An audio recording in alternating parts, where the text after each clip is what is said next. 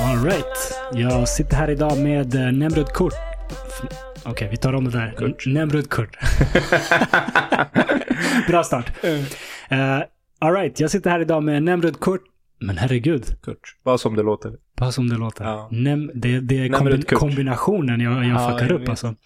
Du kan göra en paus mellan Nemrud. Ja, jag får Nemrud. Kurt. Slow motion. Alright, jag sitter här idag med Nemrud Kurt. Vad är det här? Sjukaste, jag aldrig... är- Okej. det här gillar jag. Det är faktiskt en bra start. Det, det, Det är jag, äkta. Jag, kan, Jag jag kommer inte ens kunna klippa bort det här. Det här är för, för, bra, för bra start. Jag sitter här med Nemrud Kurt. Journalist, författare, copywriter. Välkommen Nemrud. Stort tack! Jag trodde inte att mitt namn skulle vara det komplicerade idag, men Ja, jag ska i- vara ärlig. I Men, det här sällskapet så, så är det faktiskt det enklare namnet. Ja, det ja, jag ber om ursäkt, jag slaktade fint här tre, fyra gånger. Ingen fara, ingen fara. Jag är van. Det värsta är när jag Ja. åker utomlands. För då Är är, det så? så, här, men Nemrod, Nimrod. Jag bara, eh, och till slut kör de ju också Mr Nemrud. De tror jag heter Kurt i förnamn. Ah, Men Kurt är efternamnet. Ja. Det finns en lång historia bakom det. Men Okej. eh, Nemrud är förnamnet. vi börjar med, med den långa historien bakom namnet direkt. Ja, nej, men den långa historien. Det blir lite politiskt direkt. eh, men eh, vi, ja, det, det är liksom facts. Jag ska inte lägga några värderingar i det. Utan Ja. eh, vi är assyrier från Turkiet. Och i Mm. Turkiet så klubbades en lag igenom på 30-talet. Att eh, alla måste ha turkiska efternamn. Mm, Kurt är eh, turkiska för varg. Okej. Och eh, när vi kom till Sverige, när mina föräldrar kom till Sverige på 70-talet och liksom ja, började etablera sig och stadga sig och allting så märkte man ganska sakta att eh, ja, men Kurt är ju ett svenskt namn också, eller ett internationellt namn. Mm. Så eh, det är också anledningen till att tandläkarna tror att vi är fyra bröder som heter Kurt i förnamn. Då. Eh, och så. Men eh, så det är lite historien bakom. Okej, Kort historia bakom. spännande. Mm. Och Nemrud, finns det någon historia bakom det då? Nemrud är en gammal assyrisk eh, huvudstad. Mm. Eh, tros komma från Nemro som betyder tiger på assyriska. Okej. Så jag känner mig lite Så ti- tiger och varg. Och, alltså. ja, det är mycket. Det är hela djurparken. Stabilt. Ja. Stabilt. Det, det är starka djur. ja, det är faktiskt Ja. starka djur. Det hade varit jobbigt att vara typ så här åsna och någonting Och, annat. snabb påfågel. Ja, exakt. Jag är ändå tiger och varg. Jag känner att ja, men jag har täckt så här, två bra områden. ändå. Faktiskt. Riktigt bra. Okej, vi, var, vi var inne på det där lite tidigt då, men eh, assyrier. Mm. Alla vet inte vad det är. Mm. Det finns liksom syrier, syrianer och assyrier som alla låter väldigt lika, Mm. så folk brukar bunta ihop det. Mm. Men eh, vad är skillnaden och vad, ja, vad är en assyrier helt enkelt? Mellan assyrier och syrianer finns egentligen ingen skillnad. Eh, jag brukar jämföra det med liksom partipolitik. Sossar och moderater. Det handlar egentligen om att det blir så känsligt för att det handlar om den etniska benämningen. Okej. Där man är oense om vilka vi härstammar från och vad vår korrekta benämning är. Det här är inte så främmande för, för många, alltså för andra folkslag. Det finns många folkslag där man är oense om benämningen men man vet att man är samma folk. Liksom. Mm. Eh, för mig är assyrier den korrekta benämningen och jag använder den och när jag säger assyrier menar jag assyrier, syrianer. Liksom. Okej. Syrier är ju något annat. Det är de som, eh, ja, man kan säga att majoriteten i Syrien då är araber. Mm. Eh, så det är ju någonting som etniskt är någonting helt annat än assyrier och en stor Ja. skillnad är också ofta religionen. Då. Och folk från Syrien är de som kallas syrier, Ja, eller hur? ja, precis. Syrianer då? Ja, de är ju lite som mig då. De eh, härstammar ofta från man kan säga ett område som idag är Turkiet, även Syrien, Iran, Mm. Irak. En nation som inte längre finns. Eh, och eh, det är liksom en, en flera tusen år gammal historia. Eh, Mm. det är väldigt, jag är väldigt stolt över att vara assyrier. Mm. Eh, jag är född och uppvuxen i Sverige, men jag gör ingen hemlighet av att jag är stolt över mitt liksom, assyriska ursprung. Mm. Så assyriska och syrianska är samma sak. Det finns dialekter, det finns oenigheter. Men det är precis samma sak i grunden. Ja. Min familj kommer från före detta Jugoslavien. Ja. Och vi har ju också lite stökig historia. Ja. Och min pappa sa en eh, ro, rolig, eh, ett, tragikomisk grej nyligen. Mm. Han sa när, när kriget började på 90-talet och vi kom till Sverige och eh, han pratade med svenskar om det som hände där nere på, på 90-talet. Liksom. Mm. att han var så förvånad över att ingen kan skillnaderna mellan liksom, vad är en bosnier, vad är en serb, vad är en jugoslav, kroat och så vidare. Att han så, vad, Mm. jag, hur, kan, hur kan folk ha så dålig koll? Mm. Och så nu när eh, kriget i eh, Ukraina började Mm. så insåg han själv, liksom, ha, när det spreds videor på ja, olika sånger som är antingen pro-ryska eller pro- pro-ukrainska. Mm. Att han såg ju ingen skillnad på dem alls. Mm. Och då först nu förstår han att, ah just det. Ja. Jag Mm. fattar varför ingen Exakt. fattade Jugoslavien liksom. Det är Ja, ja. komplicerat när man inte är från trakten såklart. Nej, precis. Jag brukar säga att om ni hade haft ett och samma fotbollslandslag.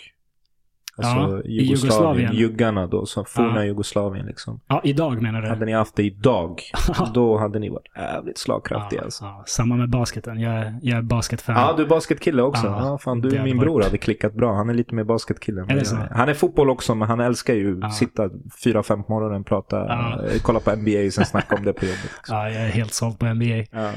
Um, ja, det, det är mycket sport där nere. Det är det. det fortfarande, vilket är ganska imponerande för att visst, när det var Jugoslavien, Mm. då var det ändå en, ett någorlunda rikt land som, som hade mycket fokus på eh, idrott. Mm.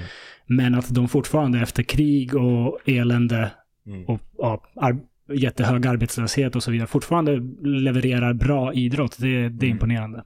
Ja, jag brukar säga att jag tycker Balkan har en, eh, de har hittat en sweet spot, liksom en bra balans när det kommer till att, om vi tar fotbollen då, jag brukar, alltså mitt intryck är att många av spelarna därifrån, de är ganska tekniska, de är ganska Mm. fysiska, de har huvudet, sen har de temperamentet också som ibland Mm. kan stå i vägen, men de har oftast en bra kombo av allting från start Ja. tycker jag. Eh, jag vet inte om det är för att de geografiskt ligger så bra mellan, de är inte sydeuropeer men de är heller inte riktigt Östeuropa och de är liksom, de har en, en fin balans mellan det ena och det andra men Mm. Det är ganska många spelare som jag tycker har ändå det här liksom, de är Mm. ganska kompletta ändå. Mm. Intressant. Det är ju en, eh, vad ska man säga, gränslandet mellan öst och väst. Ja, nej men lite det så. kanske kommer lite fördelar av det slaget. Lite så. Sen kommer det vissa nackdelar också. Ja, men det ingår. Det finns inget komplett folkslag. Fan, är man i. Brasilien och ser deras supertekniska spelare och så märker man att Ja. de här vill inte spela egentligen. Ja. Eller de vill spela, men de vill spela på stranden och på gatorna. De pallar inte med liksom. Och träna. Ja, men träna Ja. och grejer. Vem fan Ja. orkar med det? Så man hör ju, fotboll är din grej. Så är det. Ehm, jag har faktiskt igår spelat en korpen-match. Okej. Så jag är väldigt mör i kroppen idag. Ja. Det var en kämpainsats mot Södra Eken, som Okej. de heter. Eh, Vilket lag spelar du för då? Vi heter Winged Bulls. Winged Bulls. Ja, bevingade tjurar. Vi eh, startade för egentligen två, tre veckor sedan. Det här var den andra matchen igår. Ja. Eh, och vi är lite mer synkade än vad vi trodde, men vi är lite sämre individuellt än vad vi trodde. Okej. Alltså min kropp vill göra grejer som min hjärna bara, men stopp. Alltså du är 31. Ja. Du var inte ens en superstjärna när du var 16-17. Du kommer Ja. inte kunna göra de här grejerna när du är 31. Så Ja. det är bara att lägga ner liksom. Men jag är jätteglad att vi fick igång laget. För jag har Ja. länge velat spela igen. För att min grej har annars alltid varit att jag har skrivit om fotbollen. Jag har Just det. Jag är liksom, betraktar mig som fotbollsjournalist snarare än sportjournalist. Jag menar, jag har skrivit om egentligen alla sporter, men det är fotbollen som är min, min passion så att säga. Eh, har rest till eh, ganska många länder och tittat på fotboll. Eh, Har fått en liten eh, mättnadskänsla dock av att kolla på fotboll på tv. Jag tycker Okej. det finns ett för stort utbud. Det är... Jag kollar på Roma, det är mitt lag. Jag missar inte deras matcher. Men annars känner jag att det är lite samma visa varje år. Det är Ja. liksom, ja nu börjar Champions League, ja fan vad kul. Men Ja. mm, det, det är lite för mycket. Jag menar när man var lite yngre var det TV4 Plus eller TV4 Sport. Och då var det Mm. så här en match varje lördag. Innan det var det Tips Extra och Uno Kryss Due och hela köret. Du Mm. väntar liksom. Den här matchen är på lördag eller den här matchen är på söndag. Och så Ja. stannar allting fram till lördagen eller fram till söndagen. Och så sitter Ja. du bänkad. Nu är det så här, kollar vi på Champions League, det är 18 matcher samtidigt. Man kan typ sitta och streama varsin om man är Ja. 18 pers. Så jag har en liten mättnadskänsla för att titta på fotboll. En evig glädje när jag drar på mig skorna själv. Mm. Och sen ett, ett liksom sätt att uttrycka mig i skrift och, och skapa med ord det är vad jag gillar att göra och kan göra när jag skriver om fotboll. Right. Så jag har fotbollen som en liksom central punkt i mycket av det jag gör kan man säga. Härligt. Tror du det kan vara en effekt av att man blir äldre? Att de här matcherna och turneringarna helt enkelt inte är lika coola när man har sett så många av dem? Jag tror att allt är så. Mm. Jag tror att ju äldre man blir, desto mer krävs det för att du ska bli förtrollad. Mm. Eh, för att chocka dig. Din första utlandsresa, wow. Din Mm. tionde, mm, okej. Du börjar utmana dig själv, reser kanske till länder som är långt bort och som är Mm. jättefrämmande för att du har redan gjort Spanien tre, fyra gånger. Mm. Eller Grekland eller vad det nu är. Samma med fotbollen. Du, Mm. du har sett, du vet redan vad som kommer hända. Samma med livet i stort. När någonting bra händer, när man är yngre tänker man wow, det här är toppen av världen. Mm. Och när någonting dåligt händer så blir man krossad. Nu är det så här. Det går över. Ja. Oavsett om det är bra eller dåligt. Så är det. Så är det. Ehm, vilken spelare förtrollar dig idag? Jag vill säga finns? Totti. Totti fortfarande? Jag vill säga Totti fortfarande, men han Vänta, spelar ju inte. Han spelar inte längre. Han spelar inte. Jag är så här, jag får fortfarande frågan. Jag har en lillebror på 15 år och hans Ja. kompisar. Så här, men vem är din favoritspelare? Men Totti är min favoritspelare. Men han Mm. spelar ju inte. Jag bara, men jag har inte förhållit mig än till att... Mm, Alltså jag har inte mm. förlikat mig med tanken på att han har lagt av Minnet sex år sedan. Precis. och nu är det så här, nu kan jag inte säga Zlatan heller. För att Nej. han har ju också lagt av. Ja. Så jag håller det ganska enkelt och säger Leo Messi. Eller Lionel Messi. För jag Mm. tycker om att han heter Lionel och inte bara Leo. Mm. Själv då? Vem, vem, vem har du? Är det, pratar vi Jack och liksom är det åt det hållet vi ska Nej, eller? alltså jag... eh, Jag brukade kolla på fotboll. Ja, Jag brukade vara Barca-fan. okej. Jag blev kär i fotboll i Barcelona när Messi och Ronaldinho spelade tillsammans. Det var konst. Alltså att se de två ja, med sina sjuka passningar Ja. fram och tillbaka och leka fram bollen som de gjorde. Det var, det var det som fick mig förälskad i fotboll. Mm. Och jag kallade mig själv Barca-fan. Mm. Och jag hade några vänner som var Real Madrid-fans. Mm. Och vi brukade kolla El Clasico tillsammans. Mm. Ehm, och det var en match, du minns säkert det här, Pepe. Han glider förbi Messi som sitter på gräset. Det är liksom då man har blåst pi- pipan. Och han går förbi och trampar med, liksom på Messis hand Ja. medan Messi sitter ner. Ja. Och jag liksom hoppar upp och bara, vad fan håller han på med? Han är dum i huvudet liksom. Och jag ser mina Real Madrid-fans vänner säga att nej, det där var ingenting. Mm. Jag bara, men ni såg en man med liksom fotbolls, vad heter de, dobbar, trampa på en, en mans hand. Mm. Helt oprovocerat. Mm. Det här är liksom något som du hamnar i fängelse för om du gör det på gatan. Och d- alla de bara, nej men det, det var ingenting. Han filmar, det var ingenting.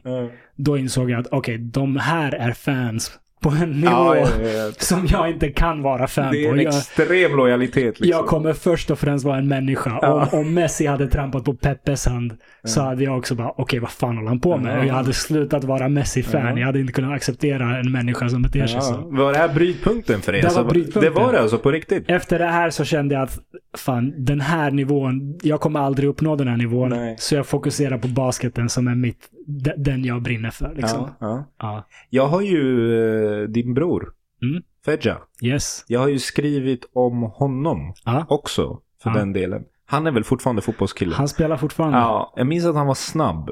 Mm, mm, Och någon gång skrev jag typ så att han var väldigt karismatisk. mm. Det, då- låter, det låter rätt. Det låter som honom. Ja, han är, jag har inte träffat honom på flera år, men jag tror han fortfarande är karismatisk. Han är advokat så han har inga, Ja, då han måste inga man vara... vara Ja, ja, men det är bra. Det är bra. Och då minns jag att han kollade på mig i omklädningsrummet och bara karisma. Karisma. Really? Really bra? Jag bara, men du är ju karismatisk. Han bara, men ärligt av alla ord som fanns. Karisma. Han hade invändningar mot karisma alltså. ja, men lite så här. Hittade du inget sexigare? Typ. Mm, Karisma. Men eh, ung och dum. ja, nej men typ så. Han var mittback kommer jag ihåg. Laget hette Assyriska Rinkeby. Tidigare Rinkeby AIF. Stämmer. Ehm, och han var mittback med, eh, jag tror fan han var mittback. Han har varit vänsterback också, men de hade en vass jäkla backlinje alltså. Mm. Det var division 4, de vann serien. Och Ja. ja, han var väldigt karismatisk när de vann serien också. Ja, men det är bra. Han var en god vinnare. han var en god vinnare. Ja. Förblev Exakt. karismatisk. Exakt. Nej, det är kul. Jag var och kollade på en match han lirade häromdagen för första gången på många år. Aha. Eh, Han spelar för FK Bosna i, jag tror att det är fyran fortfarande. just det. Och ja, han är ju 39. Ja. Så, Är han så gammal nu? Eh, ja, han fyller 39 i år. Oh, Så han är fortfarande grym, men det är fan, det, det, det är tufft. Det är Ja, tufft. Han är, han är inte Jag, snabb. jag, är, jag har blivit så mesig också. Så när, jag, när jag ser fotboll, det här det här gäller när jag kollar på basket också. Ja. Alltså jag ser en skada i varje närkontakt. Aha. Så jag kan knappt kolla på min brors matcher nu, för jag ser liksom... Du är rädd att nu någon ska stampa honom på handen och så kommer du Exakt. till en till brytpunkt. Och så kanske du börjar gilla fotboll Eller gud förbjude att han stampar någon på, på handen. Då Ja, måste jag så måste du bryta det. med honom. Exakt. Eh, nej men jag är riktigt så här ängslig när jag ser uh, när, liksom dueller. Ja. Så, så känner jag, jag har haft en del skador, inget allvarligare som tur är, men, men tillräckligt många stukade fötter för Ja. att veta hur det känns att skada sig. Liksom. ja, ja visst. visst, Så jag känner det varje gång det blir närkontakt. Ja, visst. bara, ah, så jag kan knappt kolla på det längre. Men ja, kul. Så du, du skrev för uh, Assyriska ett tag? Ja, precis. Jag var 15 då. Det här är 2007, så Mm. jag skulle fylla 15. Eh, men jag har ju egentligen skrivit sen jag var, sen jag var jätteliten. Eh, Min pappa var, är journalist, jobbade på Sveriges Radio innan.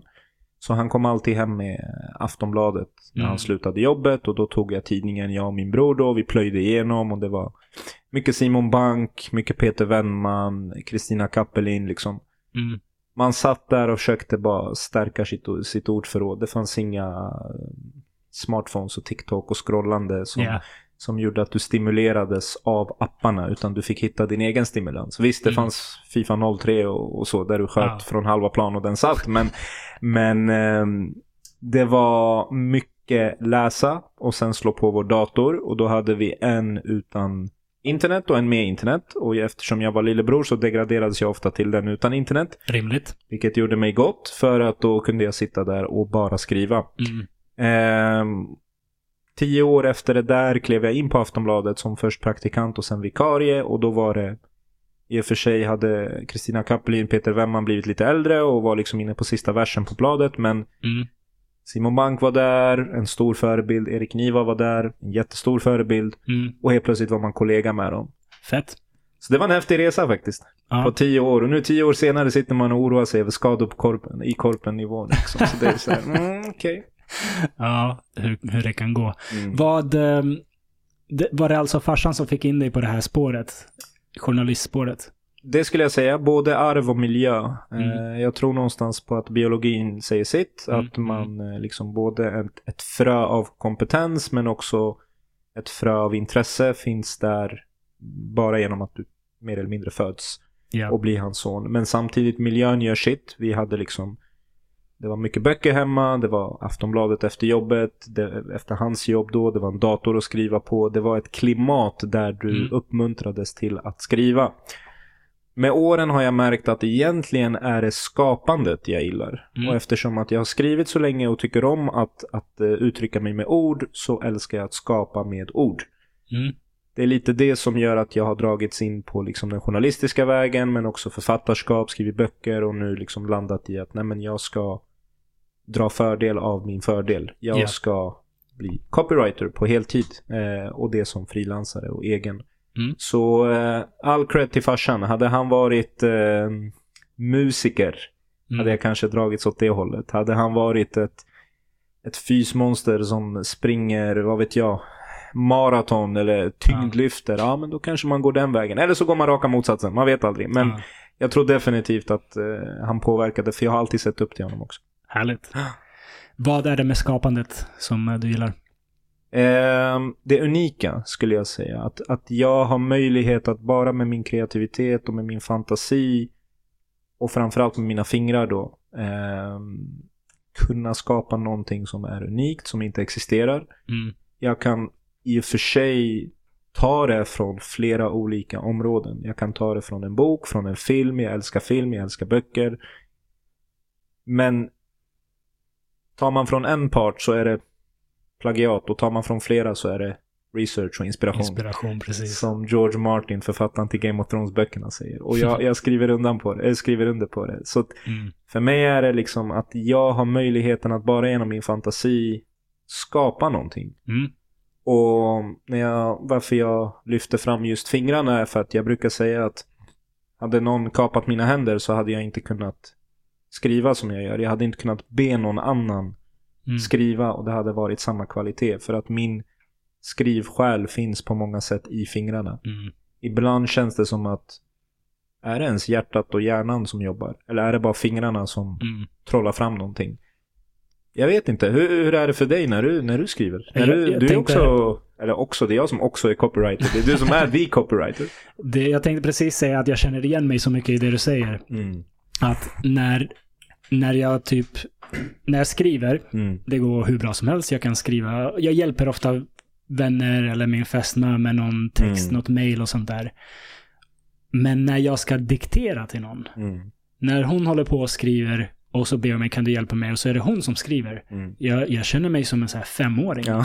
Jag kan inte formulera ett ord, vet. Jag, jag bara, ge mig det bara. Jag, jag måste skriva själv, Mm. annars går det inte. Mm. Nej men det sitter i fingrarna tror jag Mm. mycket. Jätteintressant. Ja, det, faktiskt. Det, det känns som att orden är ju i huvudet. Det borde kunna förmedlas med munnen eller fingrarna. Mm. Men det, det går inte. Nej, nej jag, jag håller med och jag har lärt mig att ibland behöver man inte ifrågasätta varför vissa Nej. saker är som de är utan det är lite så här. Jag har förhållit mig till att nu är det så att det är dina fingrar som gör jobbet vilket innebär att om de behöver hjälp det är bättre att ni bara ger mig datorn så Mm. som du sa. Mm. Än att jag ska sitta där, ligga i en soffa eller vad jag nu gör och bara ah, men skriv så här. Eh, och så bara får man höra men kom igen du är ju Du kan ju skriva. Aha. Ja, fast jag skriver med mina händer. Ja. Om inte mina händer får jobba då... Nej, är Det en går inte. Det är lite som när man kan en portkod bara med fingrarna. Ja. Men inte i huvudet. Ja. Eller en, Man måste här, göra mönstret. Precis, en bank-id-signering. Bara, ja ah, men just det, det här. Så, och så bara, vad är... Vad är nej, jag har ingen aning. Jag Mm. måste få knappa in den. Det är jävligt intressant. Mm. Det är ju... Nu, nu kommer vi in på det här eh, ChatGPT-frågan från en annan vinkel. För att jag, jag tänkte fråga dig om, det, om ChatGPT kan vara kreativ. När du, när du pratade om det här med att man hämtar inspiration från olika källor. Mm.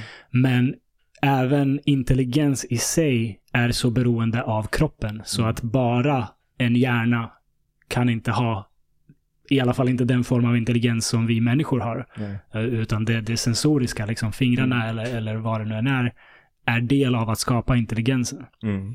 Så ja, det kanske var ett svar på, på den frågan jag Nej, tänkte det var för ställa fint. egentligen, Jag ville, inte ens, jag ville inte ens kliva in. Men, men, men det jag kan säga om, om AI liksom och, Ja, och ChatGPT generellt är ju, och det säger jag inte bara för att jag satsar på copywritingen nu, Mm. men om du som företagare använder dig av ChatGPT exempelvis, Mm. du behöver ju fortfarande någon som initierar ett projekt, ett skrivprojekt. Du behöver fortfarande faktakolla. Du behöver fortfarande ett lager av, liksom när det ska avslutas så måste ändå en mänsklig hand gå in. Ja. Den svenska ChatGPT, den svenska AI är inte i närheten av lika vass som den, som den engelska. mm, Ehm, och gratisversionen av ChatGPT uppdaterades senast september 2021. Så Mm. den har ju ingen aning om att eh, Messi har vunnit VM exempelvis. Mm.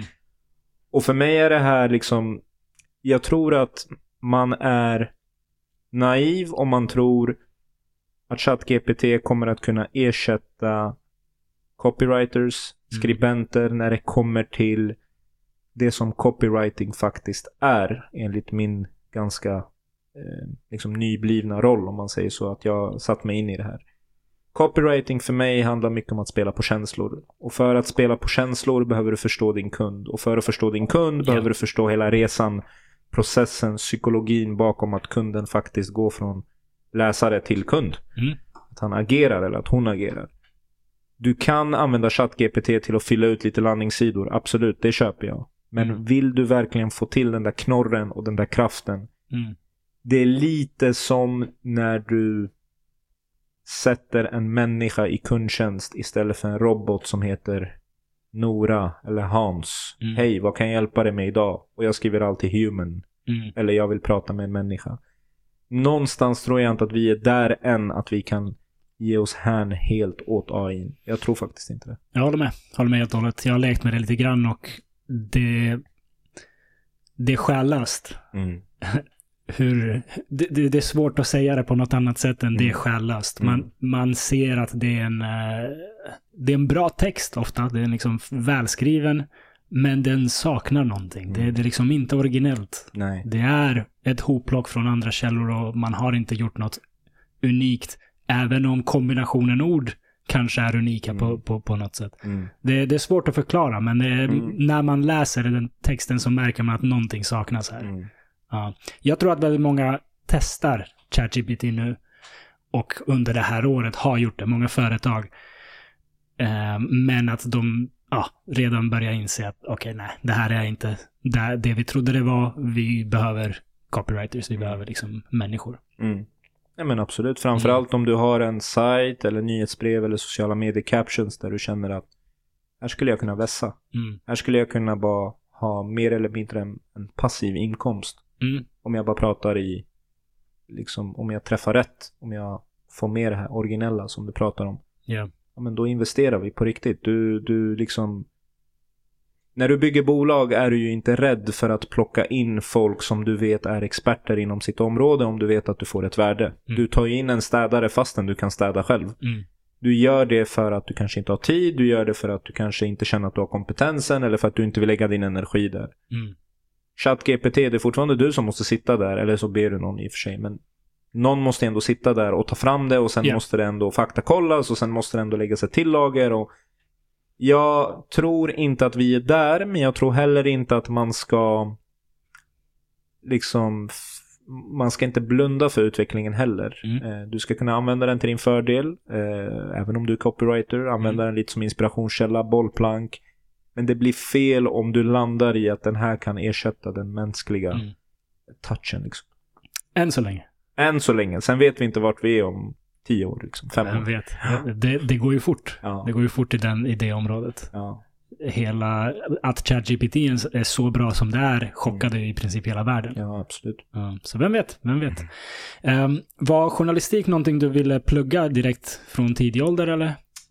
Nej, jag var inte helt eh, hundra. Som sagt, såg upp till pappa och var inne på det spåret. Gillade Mm. att skriva. Ehm, skrev liksom krönikor, topplistor och allting i datorn utan internet. Mm. Ehm, jag var inne lite på jurist. Eh, tyckte om att argumentera. Eh, var inne på psykologi. Gillade liksom det här med att vad är psykologin bakom att han sa så, hon gjorde så. Mm. Varför agerar vi som vi gör? Vad har reklam för effekt liksom? Vad är det som triggas inom oss? Psykologin bakom hela den biten. Ehm, men sen när jag ja, tog studenten och så skulle man söka och då var det så här, ja men vi kör journalistiken ändå. Mm. Gick dit till Södertörns högskola, en månad, skrev en tenta, klarade den, hoppade av.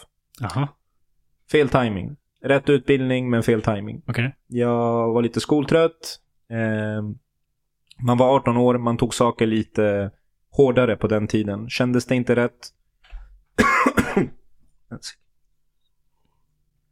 Nej men man var 18, man tog saker lite, lite hårdare på den tiden. Kändes det inte rätt? Då ville man inte göra det. Jag var uppvuxen med sju, åtta vänner runt om mig i Väsby. Helt plötsligt ska jag pendla ensam till Södertörns högskola. Jag ska dit.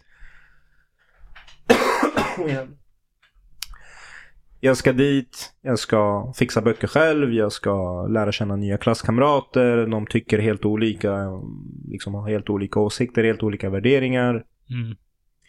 Det blev lite för obekvämt, lite för snabbt, lite för mycket, lite för tidigt. Ja. Ett år senare kom jag tillbaka till samma utbildning, eh, samma utbildning. Behövde inte göra den tentan. Fortsatte i tre år. Tog examen.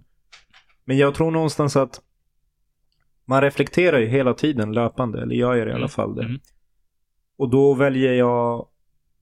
Jag har tidigare tittat på de vägar jag har valt bort istället för de vägar jag har valt. Jag har kunnat få ångest över att, men vänta nu, jag hade kunnat bli det här, det här eller det här. Men jag Okej. valde det här. Var det rätt? Var det bra? Hade jag kunnat göra någonting annat?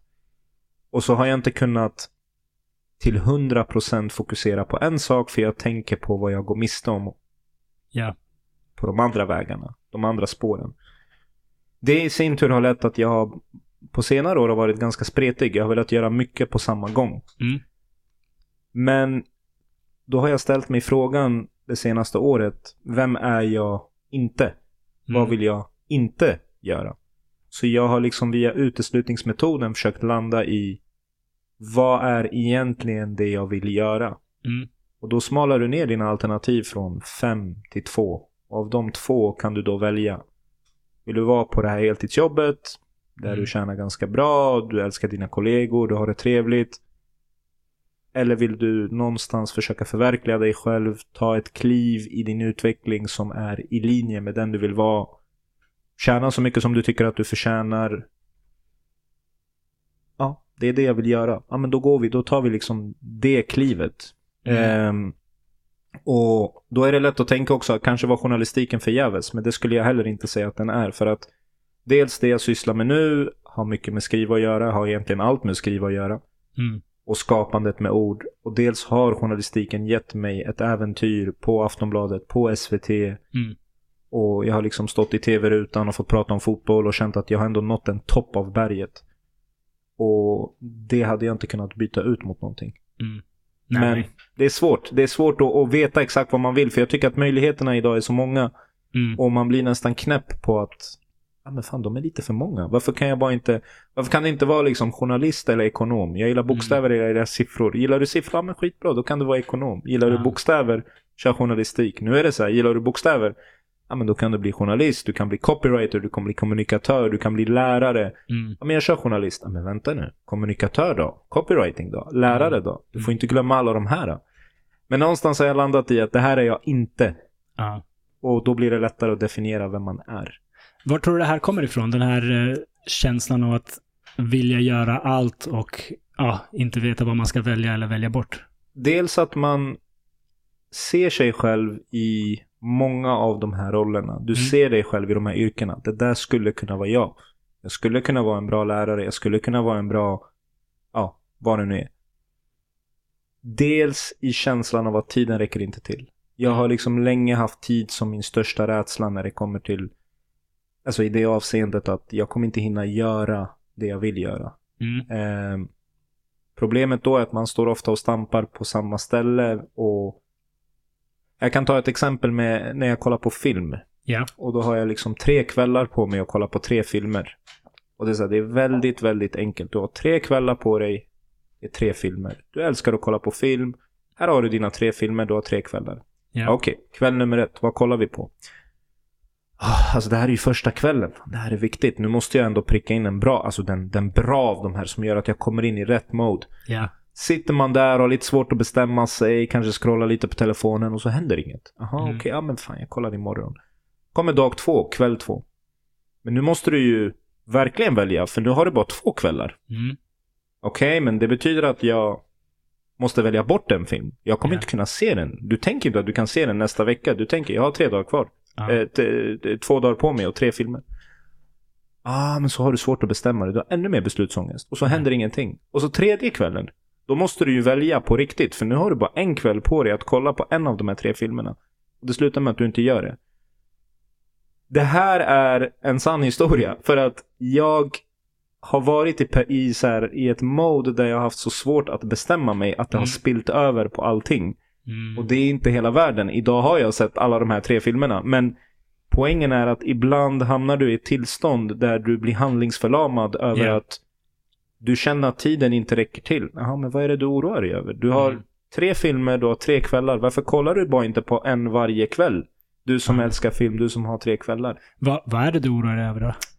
Jag vet inte. Det är, man, man eh, tänker att man kommer gå miste om något. Man tänker att, eh, är det verkligen rätt beslut? Mm. Man tänker på konsekvenserna, man försöker staka ut hela vägen istället för att bara ta ett kliv och sen titta, okej vart har jag landat? Mm. Nu ska jag ta nästa steg. Istället vill man liksom ha allt på det torra, man vill safea, man vill inte ta så mycket risker. Man tror Mm. att man tar en kalkylerad risk. Sanningen är att man tar inga kliv överhuvudtaget. Det Ja. här är liksom en mental barriär jag har försökt övervinna ganska mycket och jag Mm. tror faktiskt jag är på god väg. Okej. Men att övertänka saker har varit en, liksom, ett, ett inslag i ditt liv, eller? Ja, nej men det skulle jag säga. Att övertänka i det avseende att jag tänker mycket på det jag väljer bort. Mm. Eh, jag tänker, jag är, skulle jag säga, en tänkare. Mm. Eh, och, och försöker liksom hela tiden att förstå saker på djupet. Risken då är att du är ute på så djupt vatten att du ibland känner att du drunknar liksom i dina egna tankar. Mm. Men eh, jag var det mycket mer när jag var yngre. Mm.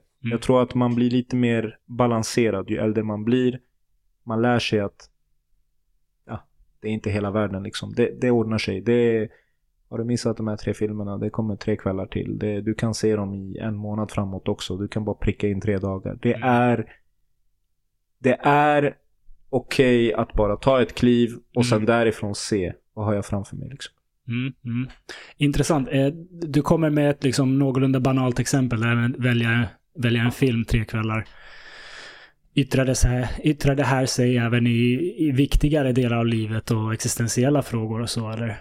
Alltså lite grann skulle jag säga. Jag, jag står ganska stadigt i grundläggande bitar. Jag menar när det kommer till eh, men, som sagt det här assyriska jag är väldigt stolt över. Mm. Allt från nation till religion till familj till hela den biten har aldrig varit några problem. Jag har alltid känt mig ganska, ganska trygg i det. Mm. Ehm, men det är klart, jag... Ibland känner jag hur, hur, hur det spiller över på ett sätt som gör att man inte handlar. Mm. Och när man inte handlar, när man inte take action, då kommer man ingen vart. Jag, Mm. jag, en av mina största lärdomar i år har till exempel varit att om du kastar dig ut i vattnet så lär du dig simma. Ja. Eh, när du är i vattnet. Du behöver inte done is better than perfect. Få det gjort, Definitivt. gör det, gör om, gör rätt. Men stå inte där och planera för att göra något. Mm. Eh, utan planera lite grann och sen ha en liksom struktur, ha en strategi, ha ett syfte. Men sen måste du ut i vattnet. Ja. Sen måste du posta det där inlägget. Sen måste du skriva till den där personen. Sen måste du eh, ta det där klivet. Jag sa Mm. upp mig i juni från mitt heltidsjobb. Ja, men till slut måste du ta det där klivet. Och sen är det en risk? Ja. Men är det en kalkylerad risk? Ja. Mm. Och jag vet inte, does it make sense som de säger? Det tycker jag. Ja. Det, anledningen till att jag frågar är att jag känner igen mig i det väldigt mycket. Ja. Ehm, jag hade... de- Den, den typen av övertänk hade jag problem med, vad ska man säga, tills jag var kanske 25 där någonstans. Mm. Och jag minns specifikt en tanke varför jag frågar om det gäller även existentiella frågor. För att jag hade en period där jag tänkte väldigt mycket på det här med livet, döden, själen. Vad är allting? Vad är meningen med det hela? Mm. Och jag, det var en tanke som fick mig att liksom, ja men i princip få en panikattack. Mm. Jag tänkte att vi, vi, vi säger att det är sant att kroppen är bara ett fordon. Och egentligen finns det en oändlig själ som liksom är vår sanna varelse. Och det är den som på något sätt styr den här kroppen. Mm. Om, vi, om vi leker med tanken att det är sant. Och jag sitter här och ställer mig de här frågorna. Vad, vad är på riktigt? Vad är inte? Vad är själen? Vad är livet? Och så vidare.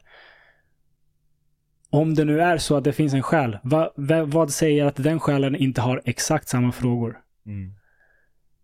Och det här var en tanke som plötsligt slog mig och bara, nej fy fan, det är oändligt. Liksom den här frågan, de här, de här existentiella frågorna, jag, även om jag dör och kommer till själriket så är det inte säkert att det liksom är klart, utan det, det kan lika gärna fortsätta i all evighet. Och det där är debiliterande. Det är liksom när man börjar tänka, så precis som du säger, då spiller det över i att man inte handlar. Mm. Och för mig var svaret att på någonstans, det, det var en vän som sa till mig, jag, jag gick igenom, vad ska man säga, en depression under de här åren. Mm. Och det var en vän som jag pratade med om det här som hade sagt till mig eh, att för henne var lösningen bara att det inte är så viktigt egentligen. Mm. Och jag förstod det inte alls. Hur kan det inte vara viktigt? Hur kan det inte vara viktigt med liksom livet, döden, själen, vår existens på den här planeten? Mm. Och jag förstod det inte alls tills det en dag slog mig att fan, det är inte viktigt. Mm. Om hundra år så är alla på den här planeten som lever idag i princip döda. Mm. Och livet rullar vidare med en ny generation av nya människor med samma frågor, med nya frågor, med, med samma problem, nya problem och så vidare. Mm. Ehm, och det är faktiskt inte viktigt. Det viktiga är att leva, göra, skapa, älska, liksom uppleva den tid man har. Mm.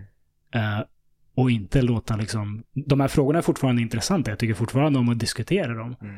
Men att inte låta dem förhindra mig från allt det här andra som livet faktiskt går ut på och bjuder på. Precis. Jag hör vad du säger och det är så många saker som ploppar upp i huvudet på mig när du, när Ja. du säger det. För jag kan verkligen liksom koppla det till grejer som jag har hört och som jag har tänkt. Jag tycker det är väldigt kloka ord. Jag tycker att jag har en vän som brukar säga, vad är grejen? Vi ska ändå alla dö. Och, och att han liksom finner en ro i att Mm. det är så. Han testar, han gör, han bygger bolag, han lever, han skrattar, han är äkta. Försöker inte vara perfekt för att vem fan bryr sig i slutändan. Mm. Ehm, jag och frugan brukar prata om det ibland att så här, i slutändan, alltså ingen bryr sig om dig. Typ. Vi är ett sandkorn. Ja, du är ett sandkorn. Det är inte högstadiegymnasium längre i din lilla ort där alla pratar om alla, utan alla lever sitt liv, alla gör det på sitt sätt. Mm. Och folk kanske viskar och pratar lite grann, men vem bryr sig? Ja. Och just det här du sa om att så här, jag, jag, att, att avdramatisera Mm. tror jag är viktigt. Och jag tror det är lika viktigt att gå balansgången mellan att avdramatisera och att ändå sätta ett allvar i det. Ja. För att det är lite som, jag har föreläst lite och, och så här om ja, mental hälsa och även om min resa som journalistförfattare och hela den biten. Och jag har liksom alltid försökt gå in i föreläsningarna med en inställning av att vem fan bryr sig? Mm. Det är bara en föreläsning. Jag löser det och att ändå vara alert, skärpt, ta det på allvar, förbereda mig för att det ska vara bra. Mm. Och jag tycker att den balansgången är väldigt viktig. Mm. Att så här, det gör inget, men det gör visst något. Du måste liksom ha båda bitarna. Ja. Generellt i livet tror jag att du behöver det här liksom jag menar balans i sig har jag i många år tyckt är bland det viktigaste du kan ha. Mm. Balans i hur mycket du liksom jobbar och hur mycket du har spenderat tid med dem du älskar. Balans mellan i fotboll offensiv och defensiv. I balans mellan eh, ja, kropp och själ. Balans är en nyckel och då tror jag också att det innefattar det här med att ta det på allvar men ta det inte på för stort allvar. Mm. Och, men sen tror jag också att jag menar du, du, när du går in i någonting obalanserad Mm. så kan du hitta balansen där i. Ja. Och det är det jag menar lite med att kasta dig ut i vattnet och lära dig simma. Mm. Ibland kan saker kännas lite ur balans och då tycker jag oftast räcker det med att du går tillbaka till grunderna i livet då. Mm. Föräldrarna, fru, familj, hela den biten. Ta lite andetag, andas. Gå ut och ta en löprunda, ät något gott. Alltså tillbaka till grunderna bara. Men Ja. när du har gjort det och fortfarande känner att du i livet är i en form av obalans vad gäller självförverkligande eller vilket steg du vill ta i livet. Det är faktiskt ganska okej att kasta dig ut och hitta balansen i det du kastar dig ut i. Mm. För det är där jag menar någonstans på att du behöver inte ha allting figured out. Nej. Utan du kan figure it out på vägen, tror jag. Jag menar så här, när du bestämde dig för att bli copywriter på heltid. Ja. Hade du superkoll på hur det skulle gå? Absolut inte. Absolut inte. Nej. Och hur är känslan idag? Det är det bästa beslutet jag har gjort i mitt liv. Mm. Jag var på, på räls. Jag hade gått i grundskola, sen direkt till gymnasiet, direkt till högskola. Efter examen där tog, tagit ett jobb som passade liksom det, det jag hade eh, som examen. Och jobbade i fem år ungefär på ett företag. Liksom hade, hade kunnat vara en av dem som klättrar corporate ladder liksom i all evighet och, och ja, gör den grejen. Så att säga upp mig från det jobbet ehm, utan någon plan, det var första gången jag någonsin hoppade av rälsen så att säga. Mm. Eh, det gjorde jag när jag var 27 och jag hade ingen, ingen liksom plan för vad jag skulle göra. Jag ville bara ta det lugnt ett tag och fundera på vad jag skulle göra. Liksom, jag hade lite besparingar så jag, jag visste att jag hade råd att ta det lugnt ett tag. Mm. Och då skrev jag bland annat för att jag tycker det är kul att skriva. Jag tränade och läste och, och skrev.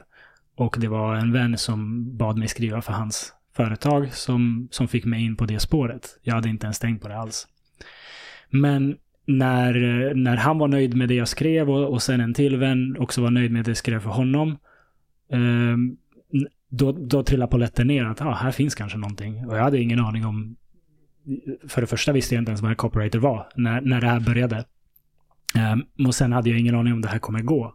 Men jag tänkte jag bygger en hemsida och testar och, och ser vad som händer. De två vännerna gav mig självförtroendet att testa det i alla fall. Um, och det här med skapande, eh, det, det, har jag alltid också känt att skapa med ord är någonting jag har gjort väldigt länge. Uh, men skapandet av pengar, skapandet av värde, uh, det var någonting nytt för mig jag hade ingen, jag hade aldrig upplevt det innan. Jag, jag, jag har aldrig varit liksom entreprenöriell som ung eller så. Men när jag började skriva och få betalt för det. Alltså det var, det var någonting magiskt. Mm. För att jag förstod inte ens. Jag, jag, jag, levde bara i verkligheten där du måste vara en del av ett företag. Mm. Du måste vara ett kugghjul i ett stort maskineri. Mm. Jag, att, att så direkt knyta min talang till du vet, pengar för vilka jag sen köper mat. Mm. Eh, det, det gjorde någonting speciellt med mig. Det visade mig att fan vad jag klarar av. Och det, det låter löjligt nu i efterhand att, så här, ja, men att få en tusenlapp för att skriva lite text, eller vad det nu var då. Um, att det betydde så mycket, men det gjorde det. Det var verkligen så här, här kan jag skapa någonting som genererar ett värde för någon annan som matar mig. Alltså det, det är magi. Det, mm. i, min, I min värld var det magi. Mm. Um, så efter att jag gjorde det och faktiskt började tjäna pengar på det, sen dess är jag mycket, mycket mer öppen för att pröva nya saker. Och, och ja, som du säger, lära mig simma genom att hoppa ut. Mm. Jag håller på nu och med, med, med podden och starta upp en ny verksamhet där jag ska mm. erbjuda poddtjänster till företag och så. Mm. Och jag är inte i närheten av liksom perfekt i, i min kunskap kring det, men det jag har duger för att börja. Och sen lär jag mig på vägen och, och ser var, var jag hamnar. Liksom. Mm. Um, så jag känner igen mig jättemycket i det du snackar om. Mm. Helt nej, klart. Nej, men helt rätt. Jag tror också att... Eh, jag, jag, tror att när du riktar in dig på en sak. Mm.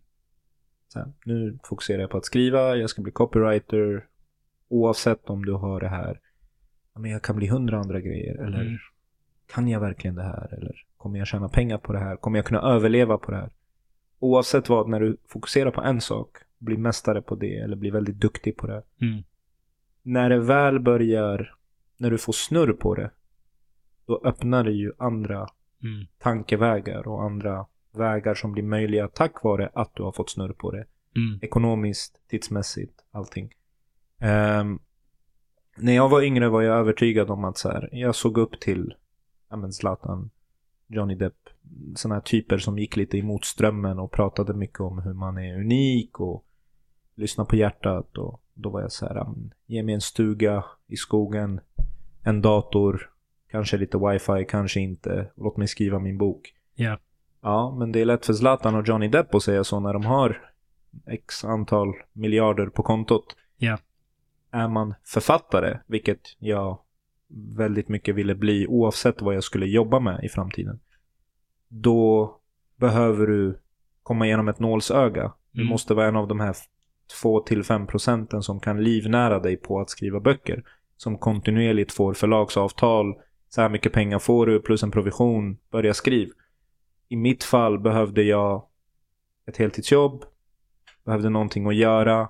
Och liksom det gick inte att bara säga men jag, jag ska skriva böcker, jag ska göra det jag tycker om.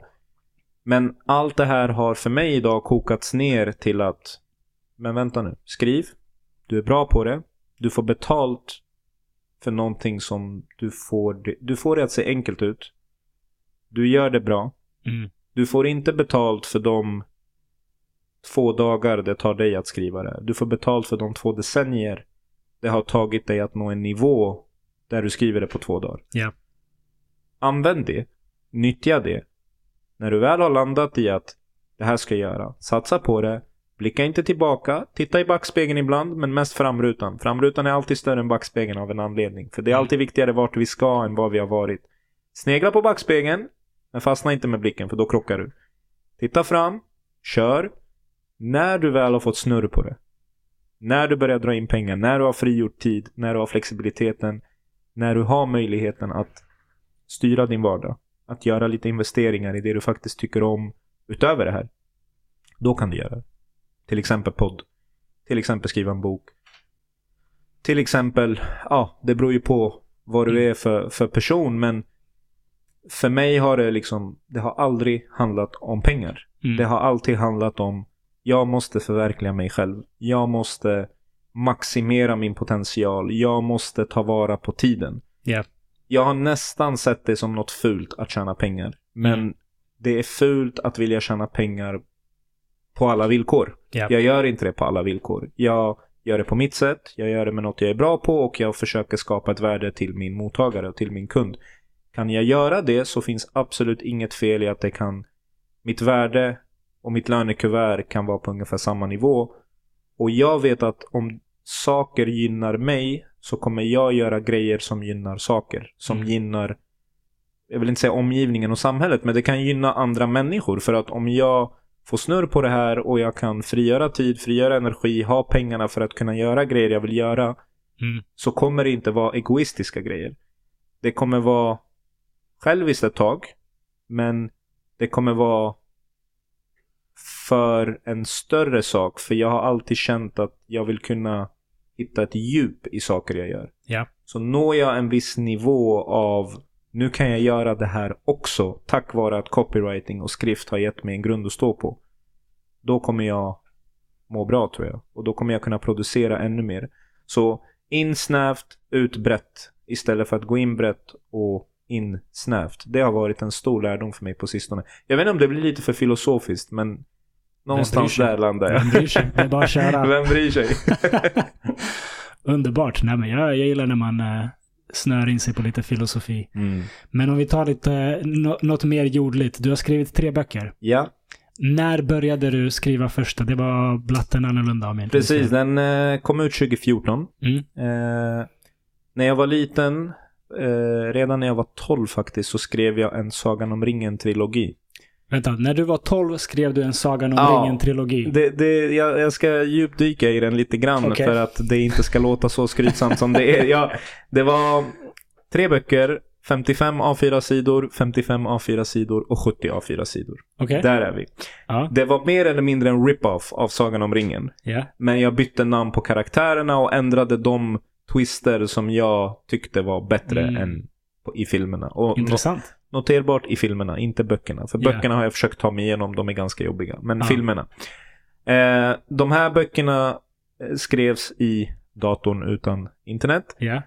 Eh, sen så såg min pappa till att de skrevs ut i Sveriges Radio då där han jobbade och sen eh, tryckte han dem med lite så här häft, eh, sån här Ja. häftapparat i A4-sidor då. Ja. Eh, och sen tejpade han ryggen liksom och så gav han den till mig och jag minns inte om jag blev besviken men jag borde kanske bli det nu 20 år senare för jag trodde ju att verkligen att det skulle bli en bok men jag fick typ ett häfte liksom. Ehm, och så var det, alltså det här, är, det här var liksom resultatet av att jag hade sett Sagan om ringen, blivit helt förtrollad och Ja. gillade det här med sagor och att kunna skapa en egen värld och egna karaktärer fastän det typ var en rip-off. Eh, Så eh, om Tolkiens ättlingar hör det här så får de komma och stämma mig kanske. Men böckerna är inte publicerade. Eh, Men de här trycktes ju inte någonstans. Eh, Men under liksom årens gång så var det ofta så jag fick min inspiration. Ja men titta på en film, det kunde vara De tre musketörerna, det kunde vara Pirates of the Caribbean, det kunde vara, ja vad vet jag, Star Wars, mycket fantasy liksom. Mm. Eh, och så skulle jag inspireras och så skulle jag skriva en liknande men jag slutförde inte någon på samma sätt som jag gjorde med Sagan om ringen. När jag var 15 skickade jag in ett bokmanus till Natur och kultur. Eh, fick svar att du har fin språkkänsla men vi får in tusen manus per år och bara ett fåtal går till publicering. Med andra ord, bra kämpat, Ja. men tyvärr. Ehm, och återigen, då var det så här, då tog man det så hårt för att man var Mm, liten. Man tänkte, såklart. ja, men då är man ju värdelös, varför ska jag fortsätta? Men Mm. pappa var alltid på mig om att köra ditt eget race. Tänk inte så mycket på liksom destinationen utan fokusera på resan. Mm. Ehm, mamma var mycket så här, du måste veta ditt eget värde, tvivla inte på dig själv. Så att de kompletterade varandra ganska bra när det kommer till uppmuntran. Liksom. Mm. Ehm, men det ena ledde till det andra. Det var mycket artiklar, det var mycket blogg, det var mycket liksom svenska fans skrev jag på och lite sådana saker. Men sen när jag... Ja, precis 2014 där, då släppte jag min första bok. Mm. Det var via eget förlag, eh, ett tryckeri i Estland tryckte boken. Och sen hade jag ansvar för all distribution, all försäljning, all administration liksom. Den kom ut i princip samma dag, kanske vecka, som jag tog examen i journalistik. Så jag var 22, jag var mellan ett praktik, en praktik och ett vikariat på Aftonbladet. Jag hade precis släppt min första bok, fick visa den för Erik Niva. Efter att min pappa har gett mig den när den kommit från tryckeriet. Pappa är en förebild, Niva en annan. Jag har en bok, ger den, tar den från en förebild, ger den till en annan. Härligt. På, på Aftonbladet. Det var bara, det var som en dröm. Och det är ofta så när man skapar historia, eller sin historia, att det Mm. blir större när man blickar tillbaka. För när det väl händer så gör man det nästan ja, bara. Man är bara i stunden. Man är liksom. bara i stunden, ja. Så den släppte jag. Den handlar om en, en, eh, en, eh, fotbollskille i förorten som lider av lätt autism. Eh, Så han är rädd att hans autism ska läcka ut för att många vet inte om den för den är så mild att man inte kan Mm. känna av den. Och att det i sin tur ska döda hans popularitet i orten och samtidigt så ska det döda hans dröm om att bli fotbollsproffs. Liksom. Mm. Den är lite faktabaserad men mest i romanform. Och ja, den är, den är i tiden. Det var tio Mm. år sedan snart. Mm. Ah, TikTok fanns inte så TikTok finns inte i boken. Ja. Den, de slangord som användes används inte lika mycket idag. Ja. Men han är 17 år i boken och någonstans tror jag att en 17-åring på många sätt ändå kommer vara en 17-åring. Ja. Även om han nu böjer huvudet och kollar mer in i sin telefon än att kolla upp. Mm. Grundläggande, djupt där inne finns ändå typ saker som man ändå kan typ relatera till. Mm. Var kom inspirationen till den här boken ifrån? Eh, jag har en lillebror som har autism. Mm. Eh, visserligen svår, men jag tänkte så här, hur skulle det vara om han växte upp och hade lätt och ville bli fotbollsproffs och är rädd att det kommer ut för att ingen vet om det. Mm. Fotboll behöver ingen större beskrivning. Det liksom har varit min passion. Och sen förort. Jag har ju vuxit upp i Väsby. Eh, kanske ingen arbetarklassförort så, kanske lite mer medelklassförort. Men vi kände ändå att det var liksom, det var ju det här mångkultur och, och alla nationaliteter och Mm. kebaben runt hörnet och ATG-butiken. Ja. Det var mycket, mycket bosnier där kommer jag ihåg. Aha. Inte för någonting, men det var mycket bosnier som aldrig ville betta på Milan. Av Okej. någon jävla anledning. Jag vet inte om det är för att Milan är ett juggenamn och de liksom bara äh. Men det var alltid äh, Milan. Liksom. De, de ville inte betta på Milan. Så att, ja, det var mycket sånt. Men det var även andra nationaliteter. Det var araber, Ja. det var assyrier, det var chilenare, det var allt möjligt. Men inspirationen, fotboll, förort, funktionshinder Ja. är liksom, man kan säga min, mitt tidiga liv nästan. Mm. Som kokas ihop till ett och samma, till, till ett tema liksom. Väldigt intressant. När kom du först på, hur, du, du var alltså 22 när den här eh, gavs ut. När Mm. kom du först på idén för den här boken och hur lång tid tog det att skriva och så? Eh, jag var i Spanien med familjen sommaren 2012. Mm. Spanien hade precis vunnit EM kommer jag ihåg och jag läste Snabba Cash. Och inspirerades mycket av hans sätt att skriva. Han var Ja. liksom rap och ra, rå och, och, och rapp på ett sätt som jag gillade. Mm. Eh, författaren då, Jens Lapidus. Och kom hem, började skriva, lite så här dutta lite grann, fick inte till det, men i och med att jag hade Snabba Cash i ryggsäcken mentalt så tänkte jag, men skriv bara som, som i Snabba Cash för att det, det går ju hem liksom, bevisligen. Det funkar. Så tempot är ganska likt, eller jag försöker vara ganska lik i min bok som i Snabba Cash. Det tog väl en eh, sju månader tror jag det tog. Och sen var jag och snurrade bland olika förlag och det var Bonnier och det var återigen Natur och kultur som kom med feedback och sen ville de ha liksom en andra vända och då gjorde jag det, skickade tillbaka men så tog det så många månader innan jag fick svar. De ville ha en till vända och då tappade jag liksom touchen på något sätt. Det här stimmet. Till slut kände jag bara att ska jag hålla på och göra om den så kommer jag kladda ner boken så mycket att det inte blir det jag ursprungligen ville att det skulle bli. Mm. Eh, den är i tiden. Det viktiga är att den kommer ut i tid. än att ett förlag tar den och släpper den om två år. Ja. Med facit i hand kanske det inte är bättre för att har du foten in i ett förlag är det väldigt bra men just då kände man ändå att nej men den här måste liksom, Mm. den här måste jag få ut. Så då tog jag saken i egna händer med hjälp av min, min pappa då som själv har gett ut lite så här artikelsamlingar och sånt från sina artiklar. Och så tryckte vi den och sen kom den då i juni 2014. Och det var stort. Det var Mm. häftigt. Att Ja, hålla i sin egen bok. Jag har inga barn så att det är det närmsta jag kommer barn. Ja, ja, ja, men det förstår jag verkligen. Ja. Jag har två gånger börjat skriva en bok, ja. men har aldrig lyckats liksom hålla fokus på ett projekt tillräckligt länge för att göra klart det. Jag är mycket mer skriva bloggartiklar, något som Ja. man kan göra på några dagar Ja. och sen få klart liksom. Det där är väldigt intressant. Jag pratade med en vän om det för, för några dagar sedan. Att, eh, vi gör oftast grejer när vi är motiverade. Mm. Men vi bör göra dem när vi är, eller för att vi är disciplinerade. Mm. Motivation har jag märkt att ska jag bara göra något när jag är motiverad så kommer jag bara göra något ibland. Ja, Och när jag känner för det. väldigt sant. När jag gör något när jag är disciplinerad så gör jag det oavsett. Och Mm. har man sagt upp sig och börjar frilansa och ska bygga eget måste du ha disciplinen. Du kan 100%. inte göra någonting bara när du känner för det. I mitt fall med boken var det inte riktigt så. Jag var ung, jag hade energi och det var bara så här. När jag var klar var det så här, oj, jag har skrivit en bok. Mm. Jag tror att ju äldre man blir, ju klokare man blir kommer också de här hjärnspökena. Mm. Eh, Erik Niva sa till mig att Fan vad bra att du skrivit en bok. Fortsätt så länge du har det här spärrlösa tänket. Mm. Sky's the limit. Du är 22. Är du 22 då tänker du ju fan jag har alltid i världen. Ja. Hur motsägelsefullt det än låter att jag hade ångest över tiden. Men du Mm. tänker ändå någonstans att men, alltså jag har hur mycket energi som helst. För Ja. du har det. Ja. Nu är man 31 och så sitter man där och bara "Så Fan om jag skriver en bok, kommer den sälja? Kommer den inte sälja? Ska jag lägga ett och ett halvt år av mitt liv på att skriva den här boken och sen kanske det inte ger någonting? Ah, Okej, idag är jag inspirerad, jag skriver något kapitel. Mm. Slutresultatet blir att, som jag nu, jag har så planerat för en till bok Ja. i typ två år. Men inte skrivit. Och så skriver jag ett kapitel och så bara fuck det här, det här är skitdåligt. Och så slutar man skriva. Är det sådana tankar som snurrar i ditt huvud eller hur? Det är en bra fråga. Jag... Vad är liksom begränsningen om du försöker borra dig in i? det, det det har varit är att jag har många idéer. Mm. Jag har många projekt, många idéer, många saker jag vill göra. Mycket som jag tycker är kul och intressant. Mm. Så att ett projekt som en bok som kräver uppemot ett år av fokus på just det projektet.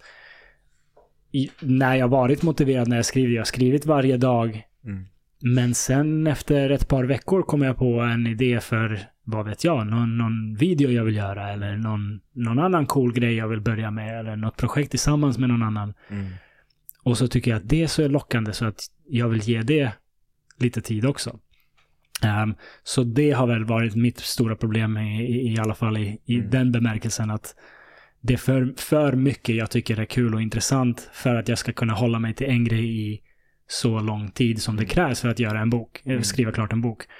Ehm, Pratar vi romaner då eller är det mer? jag har börjat skriva en eh, bok som är lite, vad ska man säga, lite samhällskommentar slash min familjs biografi. Mm. Eh, det var den första jag började skriva på. Och den andra var lite någonting helt annat. Lite science fiction, dystopi, fast i en väldigt nära framtid. Mm. Ja, så det är två, två väldigt olika idéer, Mm. men som jag kände stark liksom, passion kring. Mm. Och ja, en vacker dag kanske jag skriver klart dem. Mm. Men jag skulle typ behöva dra ut till en stuga och ha en dator utan internet Mm. För att lyckas med det här. Det känns som att med folk omkring mig, med eh, internet och, och allt annat så kommer jag hitta tusen andra grejer jag tycker är kul innan jag är klar med det här. Ja, jag har en, en, en annan vän som, som är så här. För jag tänker på när det här, du, det här du säger om stugan. Idag Ja. hade du förmodligen ändå blivit störd på något sätt med något Ja. pling hit och dit. Eh, Wifi och internet och 3G orkar ut till stugorna idag Ja. också. Eh, den här vännen då sa att han har inte hunnit spela fotboll de senaste 6-7 månaderna för att han har jobbat så mycket. Han Mm. spelar division 5. Men han vill verkligen komma igång, inte för att han liksom älskar det mer än något annat som han gjorde när han var yngre. Mm. Men för att det är en ventil på det sättet att han i två timmar inte kan ta upp sin mobil. Mm. Det är, det är en väldigt intressant grej. Så, så jag tänkte så här när jag gick in till Korpen-matchen. Vår andra var ju igår, men förra veckan hade vi vår första. Och då tänkte jag, fan vad skönt. Vi kör två gånger 20 minuter. Det betyder minst 40 minuter av Mm. ingen telefon. Ja. Och jag tillhör ju den här skaran. Jag vet inte hur stor den här skaran är, men jag tycker att magin i en sittning försvinner när man tar fram sin telefon. Ehm, jag har liksom, ibland när folk kommer hem till oss, vi kan vara liksom 7-8 pers, jag är så här, ni vet, här har vi en mobillåda. Ja. Ni ska lägga mobilen i den här lådan och sen lägger vi lådan inne i sovrummet. Och sen finns ju vissa som har permis för att eh, de kanske har något barn hemma och frugan kanske behöver hjälp eller någonting men Mm. Säg att sex av åtta lägger undan mobilen. Jätteskönt. Jag tänker att jag ska göra samma sak i korpen. Fan vad skönt. Jag lyckas. Men en av våra spelare är så fast besluten att rapportera för andra vänner till oss hur det går. Ja. Vi vinner första match, matchen med 25-3. Oj. Det var väldigt oj. eh, För att det var inte kul att spela. Det var Nej, synd om motståndarna stackarna. Men han rapporterade om varje mål. Oj, okej. Och då är det så här, nummer ett, hur har du hunnit göra det här? Okej, vi har flygande byten, men hur snabbt hann du knappt? Okej. Ja. Och nummer två, du fick inte den där ventilen. Du, Ja. du, så, som jag fick. Jag tror att när det kommer till till exempel produktion av böcker. Mm. Där tror jag att du måste kapa Mm. störningsmoment. Det, det finns liksom inte det här. Det tar så lång tid att komma in i flowet igen. Exakt. Ska du skriva en text om en produkt, du har ändå fakta framför dig, du kan ändå, okej jag tar den här faktan, ska göra om den till någonting läsbart, lättläst, lättuggat. Men när det kommer till att skriva en roman eller om du ska skriva fantasy eller om du ska skriva en bok som ska ha en röd tråd, som ska ha en struktur, det ska vara storytelling. Där tror jag att det är väldigt viktigt att kunna stänga av de här störningsmomenten. Mm. Jag har till och med några gånger funderat på att byta bort min iPhone. Problemet är att då står jag där utan Swish, utan BankID, utan kamera, utan ja, anteckningar. Jag kan ju ha penna kanske, men ja, utan GPS, utan Bolt, utan eh, det är så mycket grejer som försvinner. Ja. Men ett steg på vägen, jag har tagit bort Facebook och Instagram från telefonen. Så Mm. jag går bara in på dem via datorn. Det är lite som när man var yngre och satt vid en stationär dator och skrev. Så här, och sen när man stängde ner så var det klart. Då är det du är klar. Nu kan Ja. du inte göra så mycket mer. Men det jag skulle säga, min poäng är att när det kommer till bokskrivandet så är man ännu känsligare för störningsmoment. Mm. Man är ännu känsligare för det här med att du behöver en stund ungefär som när du kliver ut på en fotbollsplan att du bara får koppla bort det elektroniska. Mm. För jag tror i slutändan inte att människor är menade att vara den typen av varelser. Ehm, Jag tror innerligt att någonting händer med sittningen när du tar fram din mobil och påstår att du lyssnar på vad Mm. jag säger. Mm. Medan jag sitter där och vet att det är vetenskapligt bevisat att man Mm. kan inte multitaska. Du fokuserar antingen på mig eller på det där smset du håller på och skriver. Ja. Eller ännu värre, det du håller på och scrollar igenom. Ehm, och och där, där, det tror jag hör ihop med disciplinen också. Mm. Att så här, nu har jag disciplinen att jag lägger undan mobilen i två timmar. Ja. Och vissa känner att de inte kan göra det. Men är du rädd att någon kommer kontakta dig? Det finns sätt att komma runt det. Mm. Eh, du kan messa den personen och säga tja, nu går jag in i beast mode i två timmar. Ja. Du, kan, eh, ja, du kan ställa in ett stör ej-läge på telefonen som gör att bara den personen kan nå dig Mm. i ett samtal. Mm. Och alla andra kommer klickas bort liksom. Det finns vägar runt. Absolut. Men, men det svåra som du säger tror jag är att ihärdigt bara liksom nöta på och producera och skapa Mm. hela tiden. Utan att bli störd och hela tiden hålla den här lågan brinnande. Mm. Det är svårt, det är svårt. Alltså böcker är, sen är det sen, när den är tryckt är den tryckt. Det är Mm. antingen väntar du på andra upplagan eller så får du leva med det där stavfelet som Mm. finns där. Mm. Det är inte som att digitalt gå in och redigera något Nej. heller. Men jag kan tänka mig att det är en riktigt härlig känsla när den väl skickas in, Ja, trycks verkligen. och så har man den i handen. Nu, ja, men nu är det verkligen, klart. Liksom. verkligen. Ibland har man ju så här, när man skickar ett mail Så när jag skickar ett mail så säger jag nu får du inte kolla på det här mailet för nu är det fan skickat. Ja. Tänk dig känslan med en bok då. Att så här, du skickar en bok och bara öppna inte det här jävla dokumentet nu. Våga bara öppna det där dokumentet Nej, och tänk ah, den där formuleringen. För du kommer alltid kunna hitta en ny formulering. Ja, ja. Ja. Tusentals i en bok kommer man säkert kunna hitta som man kunde gjort annorlunda. Ja, intressant. En, en vacker dag kanske jag stänger av och går in i stugan, men vi får se om den dagen kommer. Mm. Eh, din andra bok, De eh, döda lär de levande. De döda lär de levande. Ja. Eh, knyter an lite till det här vi pratade om i början med assyrier. Eh, för att i skuggan av första världskriget blev assyrier, armenier och greker folkmördade Mm. i dåvarande Osmanska riket. Och ehm, jag gjorde en, en stor research. Jag åkte ner dit för första gången till det som tidigare var min stat, om man säger så, men som fortfarande är mitt land eller min mark, om man kan kalla det så. Sydöstra Turkiet, eh, till byn där min pappa vuxit upp, farfar, farfars far, liksom flera generationer. Till samma hus och, och satt faktiskt där på hustaket kväll fyra eller fem. Solnedgång, det är tyst, det är trevligt.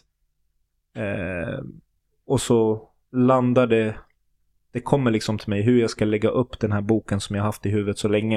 Mm. Inspirerad av den andra Gudfadern-filmen. Mm. För de som har sett den, där det överlappar mellan då och nu. Så bestämde jag mig för att göra ett liknande koncept. Där jag skriver egentligen två parallella historier. Eh, vartannat kapitel är från nutiden, vilket är 2015, 100 år efter folkmordet. Och vartannat kapitel är 1915. Nutidskapitlen handlar om en ung man som är från Sverige, men som till ursprunget är assyrier och som åker ner till sina rötter för första gången. Mm. Och dåtiden handlar om folkmordet i en dramatiserad form där huvudpersonen där letar efter sin kidnappade syster Mm. och hamnar på platser som är centrala för folkmordet på riktigt. Ja. Så är de 50 man som bildade en eh, brigad så är han den 51 eller så är han en av de 50. Ja. Händelserna i sig är äkta, många av dialogerna är äkta men det är i en dramatiserad form för att du ska bli berörd på ett annat sätt. Mm. Och då kan det också avspegla sig liksom i övergången mellan då och nu där till exempel huvudpersonen från nutiden sträcker sig efter ett fikon i sin hemby och sen tar kapitlet slut.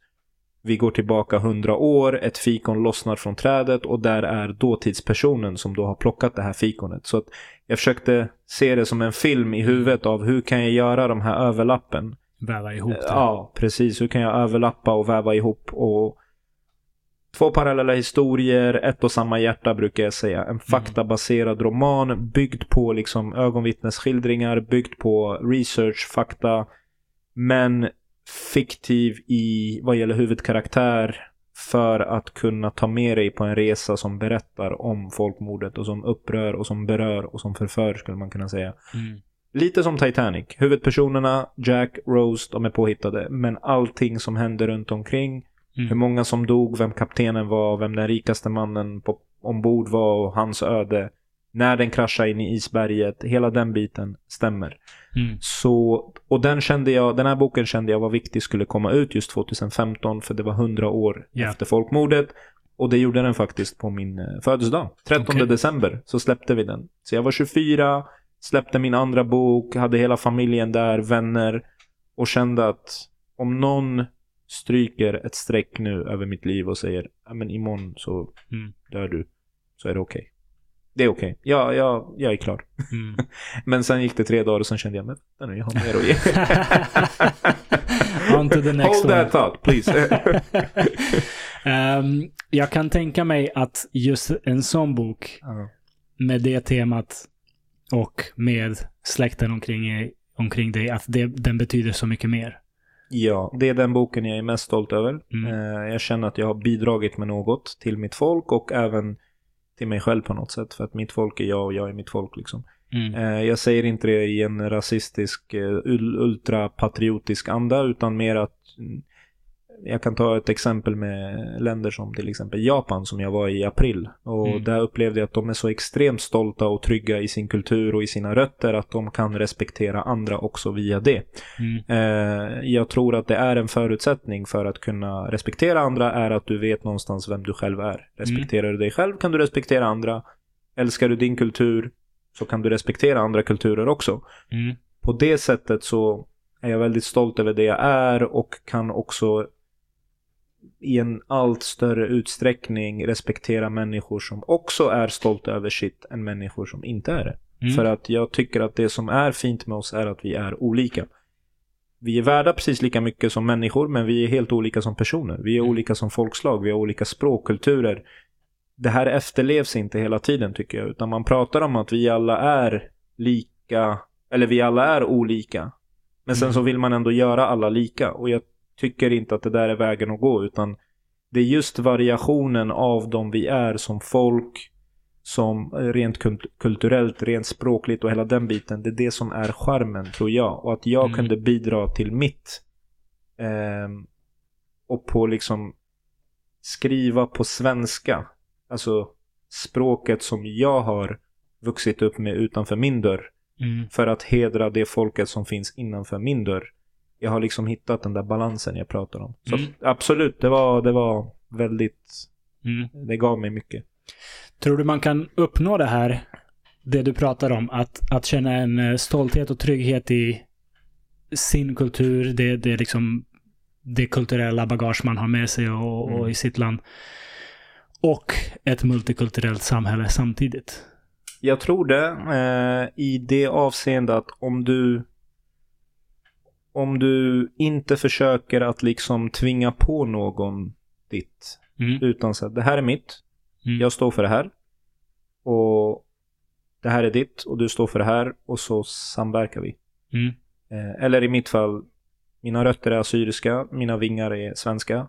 Jag vill inte se det som en krock. Jag vill Mm. se det som en komplettering. Som en sammansmältning. Att jag kan ta det bästa från två kulturer. Mm. Det intressanta där är också att när jag åker ner till Assyrien, som idag inte existerar som stat, men jag åker ner bland mitt assyriska folk där i sydöstra Turkiet, så ser de mig nästan som svensk. Mm. Och när jag är här så ses jag i mångt och mycket som assyrier. Mm. När det egentligen borde vara tvärtom. Ehm, I början kunde jag ha lite ångest över det. Att var hör jag hemma rent etniskt? Vem är jag identitetsmässigt? Och jag har alltid haft en, en stark känsla för etniciteten så att jag det tog på mig att det liksom var så inte förvirrande kanske men så en sån krock som jag Mm. upplevde.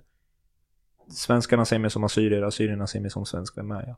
Men idag landar jag i att de samverkar, Mm. båda bitarna. Och jag tror att så länge pusselbitarna går ihop så är det absolut inget fel med att de ser olika ut. För att tillsammans bildar de det här stora pusslet Mm. som är vi. Liksom. Jag minns när jag var, när jag gick i grundskolan, Mm. att de enda som viftade med en svensk flagga, det var rasister och Mm. liksom, ja, främlingsfientliga människor. Mm. Och där och då var det väl inte någonting jag tänkte på väldigt mycket. Jag, jag tänkte väl också, varför ska man hålla på och vifta med sin flagga? Mm. Men ju äldre jag blir, desto mer tänker jag tillbaka hur knäppt det var. Mm. Eh, visst, det fanns liksom vissa tillfällen, midsommar och skolavslutning, då, då svenska flaggor syntes. Men, Mm. men annars, det mesta av året, var det en svensk flagga uppe, ja men då var det någon som hade lite skeva åsikter som viftade med den. Mm. Ja. Ehm, tredje boken. Tredje boken, ja. Vi var inne på mina böcker. Det var. Ehm, den heter Det är bara i ditt huvud. Ja. Eh, utgiven 2021. Jag kan säga att den andra boken, alltså den om folkmordet, gavs ut av ett förlag som heter Tigris Press, ett mindre. Okej. Det var skönt eftersom att det innebar att jag slapp all den administrativa biten och kunde bara fokusera på liksom att leverera ett manus. Precis samma sak, eller nästan samma sak har det blivit med den här senaste. Den eh, är utgiven av Vulkan som är Nordens största bokutgivare enligt eh, dem själva. Jag har inte dubbelkollat om det stämmer och jag har inte kollat med ChatGPT heller. Men eh, de ger ut den, fixar liksom omslag och att se till att den hamnar där den ska hamna och marknadsföringen och hela den biten. Sen hjälper man till då. Eh, och den boken handlar om psykisk ohälsa. Mm. Den är upplagd som så att eh, det är 12 kapitel där, eller så här kan man säga. Det är en, eh, huvudpersonen heter Kim, man vet inte om det är en kille eller tjej. Kommer till Stockholm i januari för att eh, döda sitt ex. Mhm. Eh, det finns vissa saker man kan göra med sina ex, men mord är inget jag förespråkar. Men Kim tänkte göra det i boken. Kommer dit i januari eh, och eh, januari är kapitel 1. Februari kapitel 2. Boken är 12 kapitel. Varje kapitel utgörs av en psykisk sjukdom som Kim stöter på på något sätt. Och varje kapitel är en månad på året. Och de hänger ihop. Det betyder att du kan inte hoppa in i kapitel 5 för att läsa om depression. Men när du har tagit igenom 1, 2, 3, 4, 5 så märker du ganska snabbt att 5 handlar om depression. Och att Kim stöter på det i sin vardag. Eh, i kapitel 12, det sista, så vävs, vävs allt ihop genom en, en twist på slutet. Eh, som liksom binder ihop allting kan man säga. Återigen en, en faktabaserad roman. Mm. Eh, och psykisk ohälsa har lite med psykologi att göra, så det har intresserat mig länge. Eh, jag har förutom journalistiken också en examen i sociologi. Eh, som jag har varit intresserad av länge. Just det här med hur funkar vi som människor i förhållande till vårt samhälle. Eh, tycker vi något för att vi verkligen tycker det eller för att samhället tvingat på oss det? Eh, styrs vi av yttre tvång eller inre drifter? Sociologi är jätteintressant, psykologi är jätteintressant. Eh, och liksom jag har försökt att dramatisera det på ett sätt som gör att det är både underhållande och upplysande brukar jag säga. Eh, och den gavs ut 2021. Så nu är de tre. Det är tre barn jag har kan man säga. Skaran växer. Skaran växer där hemma ja. Var kom inspirationen till den här boken ifrån? Eh, med, ja, alltså mest som sagt det här med att jag alltid haft ett intresse för psykologi, Mm. för sociologi, men samtidigt också att jag tänkte att det är en bra inkörsport till författarvärlden på riktigt. Mm. Eh, att nu har jag skrivit en bok om fotboll och förort, min förort, och sen har jag skrivit en bok om mitt folk. Det har varit antingen eget förlag eller mindre förlag. Nu ska jag skriva en bok som handlar om någonting som är i tiden, psykisk ohälsa. Och sen så ska jag försöka liksom att slå mig in som, slå igenom som författare på riktigt. Mm. Eh, Så det var ett lite strategiskt beslut att, att köra just psykisk ohälsa trots att jag som sagt har intresse för det också. Mm. Ehm, och sen utspelar sig boken i Stockholm. Eh, det här är under en period där jag som liten Väsby pojke började förstå att oj, det är ganska trevligt inne i stan. Eh, och, och då, det här var 2018, 2019 någon gång när jag började skriva den. Så den utspelar sig i stan, eh, i Stockholm då. Och Stockholm är nästan en huvudperson i boken skulle man kunna säga. Miljöerna och var Kim rör sig, i vilka sammanhang och ehm, så jag har liksom försökt väva ihop den här mm, känslan av att Stockholm är en spelare i boken med de här olika psykiska sjukdomarna. Mm. Ehm, det intressanta med, med den här boken är att jag egentligen ehm, borde ha gjort mycket mer av den när den väl var utgiven. Mhm. Det fanns, det var en vän till mig som, som sa att du borde ha liksom 12 månader, 12 psykiska sjukdomar. Starta en podd, starta en blogg, eh, posta på sociala medier, vad som helst. Varje månad är en psykisk sjukdom. Ta in en expert, eh, lotta ut någonting, eh, donera pengar, gör en tävling och donera pengarna till något förbund som hjälper till mot depression när du är i depressionsmånaden, månad fem. Eh, det finns så mycket du kan göra med en bok när den väl är utgiven mer än att bara sälja den och säga till folk att läsa. Mm. Eh, Men det den, har, det den har gett mig är att jag nu har blivit en författare som har skrivit om psykisk ohälsa. Vilket gör att jag ibland får för, föreläsningsförfrågningar om att komma och prata om det mentala. Liksom. Mm.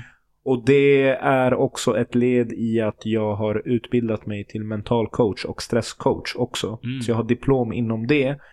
Eh, för att jag har ett intresse för hur liksom mentala låsningar kan bli lösningar. Hur man kan liksom luckra upp knutar inombords för att frigöra så mycket kapacitet och, och potential som möjligt. Eh, så när jag står där och föreläser brukar jag liksom säga att ja, men, ja, jag är författare till den här boken.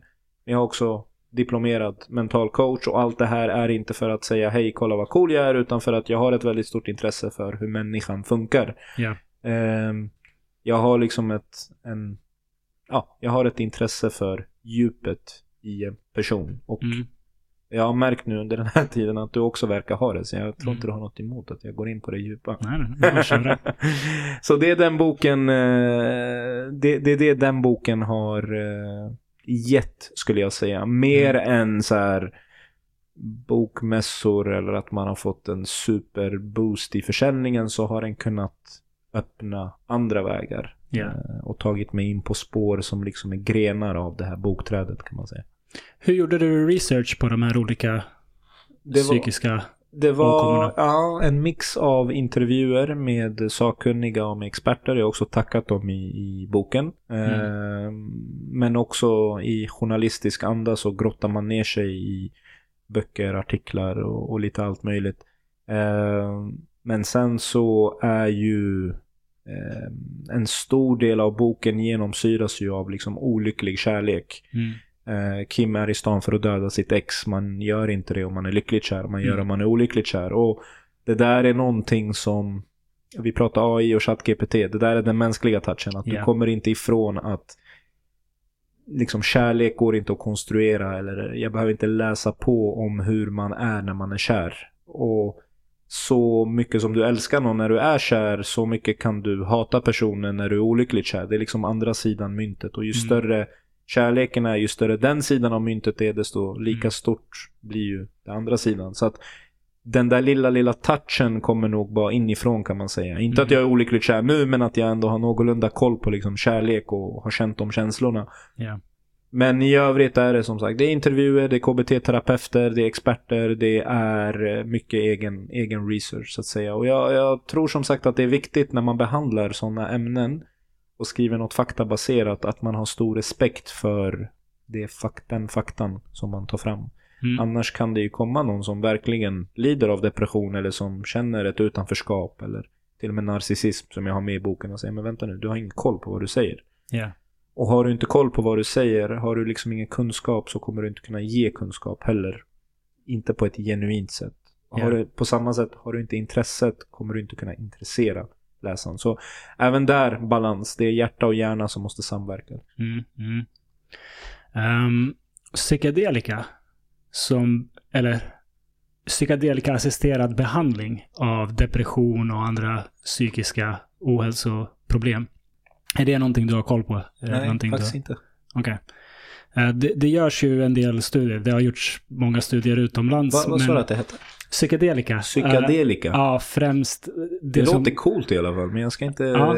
stå här och säga att jag, att jag vet vad det är. Eh, Psykedelika är ett samlingsnamn för eh, framförallt de fyra klassiska psykedeliska ah, substanserna. okej, ja. Eh, LSD, eh, psilocybin som är ingrediensen i magisk svamp. Okej, det som kallas okej. magisk svamp. Eh, DMT och meskalin. Det, Jag sitter och snackar om alla mina diplom och examen och grejer så jag har inte koll på det här liksom. Nu blev det lite skämmigt. det, det, är ju, det är ju något som det har varit enormt tabu på Mm. under väldigt, väldigt många år, många Mm. decennier. Men som nu börjar komma tillbaka. Mm. För det, redan på 50-talet gjorde man mycket studier som visade att det går att jobba med allt sånt som är, eh, vad ska man säga, psykiska eh, loopar man kan hamna i. Säg eh, depression, beroende. Sånt som, sådana beteenden som är ett resultat av att man kanske har en viss självbild man inte kan komma loss från. Eh, Så redan på 50-talet visade studier att LSD är väldigt bra på att skaka om ens självbild och i, i kombination med terapi börja jobba på en ny. Ehm, det här är någonting som börjar komma tillbaka nu. Eh, under kriget mot droger, War on Drugs i USA, så, så totalt svartmålades alla de här drogerna. Mm. Ehm, eller ja, jag, jag, jag skulle inte ens kalla dem för droger, för det, psykedelika är väldigt annorlunda från Mm. det, det som annars hamnar i gruppen droger. Men de buntades alla ihop Ja. Och forskningen dog i flera decennier. Mm. Men nu är- börjar den inte komma tillbaka och även Karolinska har gjort en studie på eh, psilocybin Mm. eh, som eh, behandling mot eh, depression. Och det var, visar, visar sig vara väldigt lovande. Eh, just för att det bryter ner liksom de, de snäva eh, bilderna, ramarna man har kring sig själv. Så att du kan bearbeta trauma som du har haft tidigare i livet eller vad det nu än är som har orsakat dem och börja bygga på en ny berättelse. Mm. Ehm, ja, sidospår, men jag tycker det är ett väldigt är intressant väldigt, område. Väldigt intressant. Jag, Mm. jag gillar att, att liksom forskningen och kunskapen och vetskapen Mm, har tagit stora kliv eh, Mm. när det kommer till de här mentala områdena. Inte bara liksom fysiska mm, problem. För att eh, går du, har du brutit benet, går du till läkaren. Har du brutit något mentalt, går du ofta inte till en psykolog och, och så.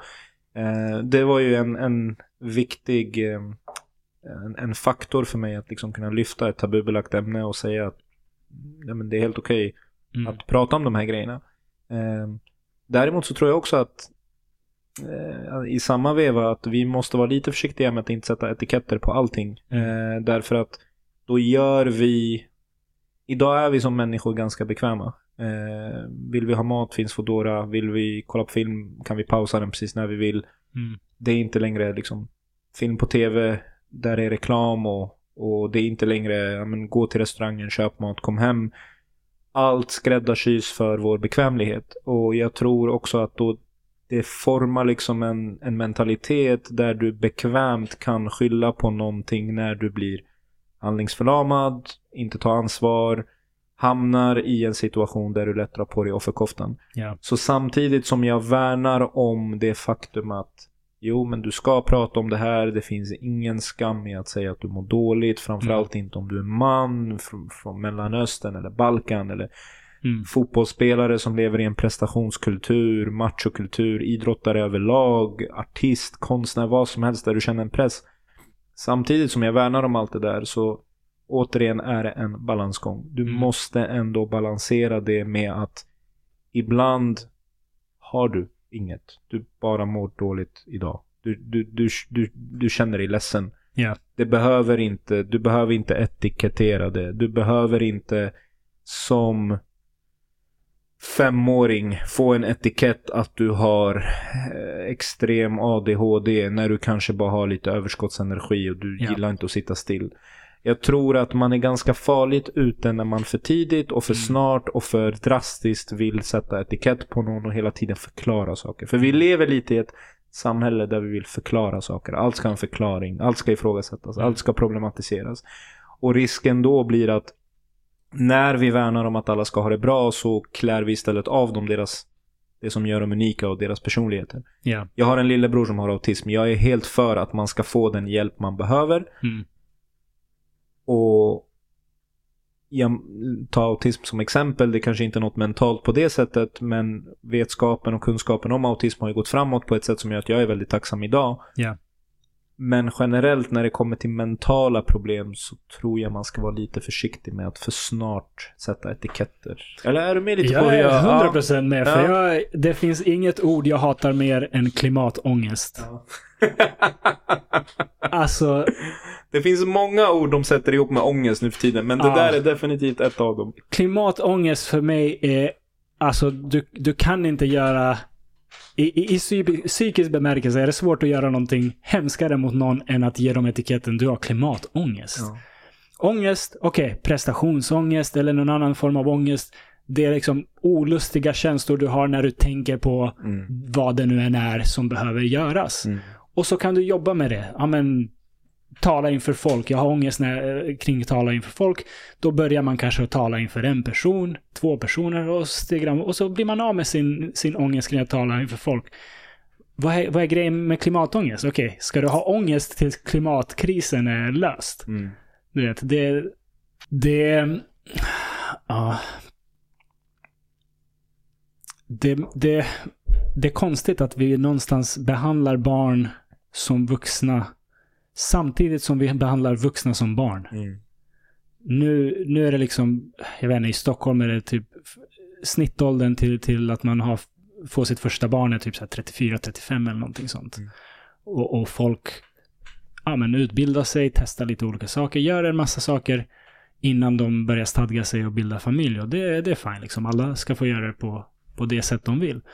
Men det är verkligen, någonstans får man längre och längre vara ett barn. Mm. Samtidigt som det känns som att vi sätter vissa, sak, vissa bördor på barn eller ger dem vissa ansvar som är helt orimliga. Mm. För, jag, är jag, nu testtänker jag här så jag har inte tänkt igenom det här ordentligt. Men Nej, nej, jag, jag kan också svara med att tänka högt. Jag, jag tror att det, det är ju, alltså för det första tror jag det är väldigt svårt med just den balansgången. Mm. Att så här, när ska barn få gå över till att bli vuxna och Mm. när ska de förbli barn och liksom slippa ta för mycket ansvar. Mm. Min, min take på det här brukar ju någonstans vara att så här, barnasinnet är bland det viktigaste du kan ha vid liv för att hålla dig kreativ, nyfiken, energisk på rätt sätt. Att en, en liksom kreativ vuxen är ofta resultatet av att barnet inom honom eller henne överlevde. Ja. Det tycker jag är väldigt fint. Ehm, men i regel tror jag att vi har liksom Apropå det du säger så tror jag att vi har kommit ifrån lite det här med att en förälder får vara förälder. Mm. Och att ett barn är barn till den föräldern. Mm. Ehm, en grej jag ser är att många föräldrar alldeles för mycket försöker vara vänner med Mm. sina barn. Och där tycker jag att man någonstans måste dra en viss gräns. Att så här, jag är din förälder, jag vill ditt bästa, du kommer bli arg på mig vissa gånger. Mm. Jag säger det här för, för dig och visserligen måste du få trampa på minor istället för att jag ska berätta för dem för annars kommer du inte veta hur det känns och du kommer inte bli vis av erfarenheten. För du måste vara med om det själv. Så.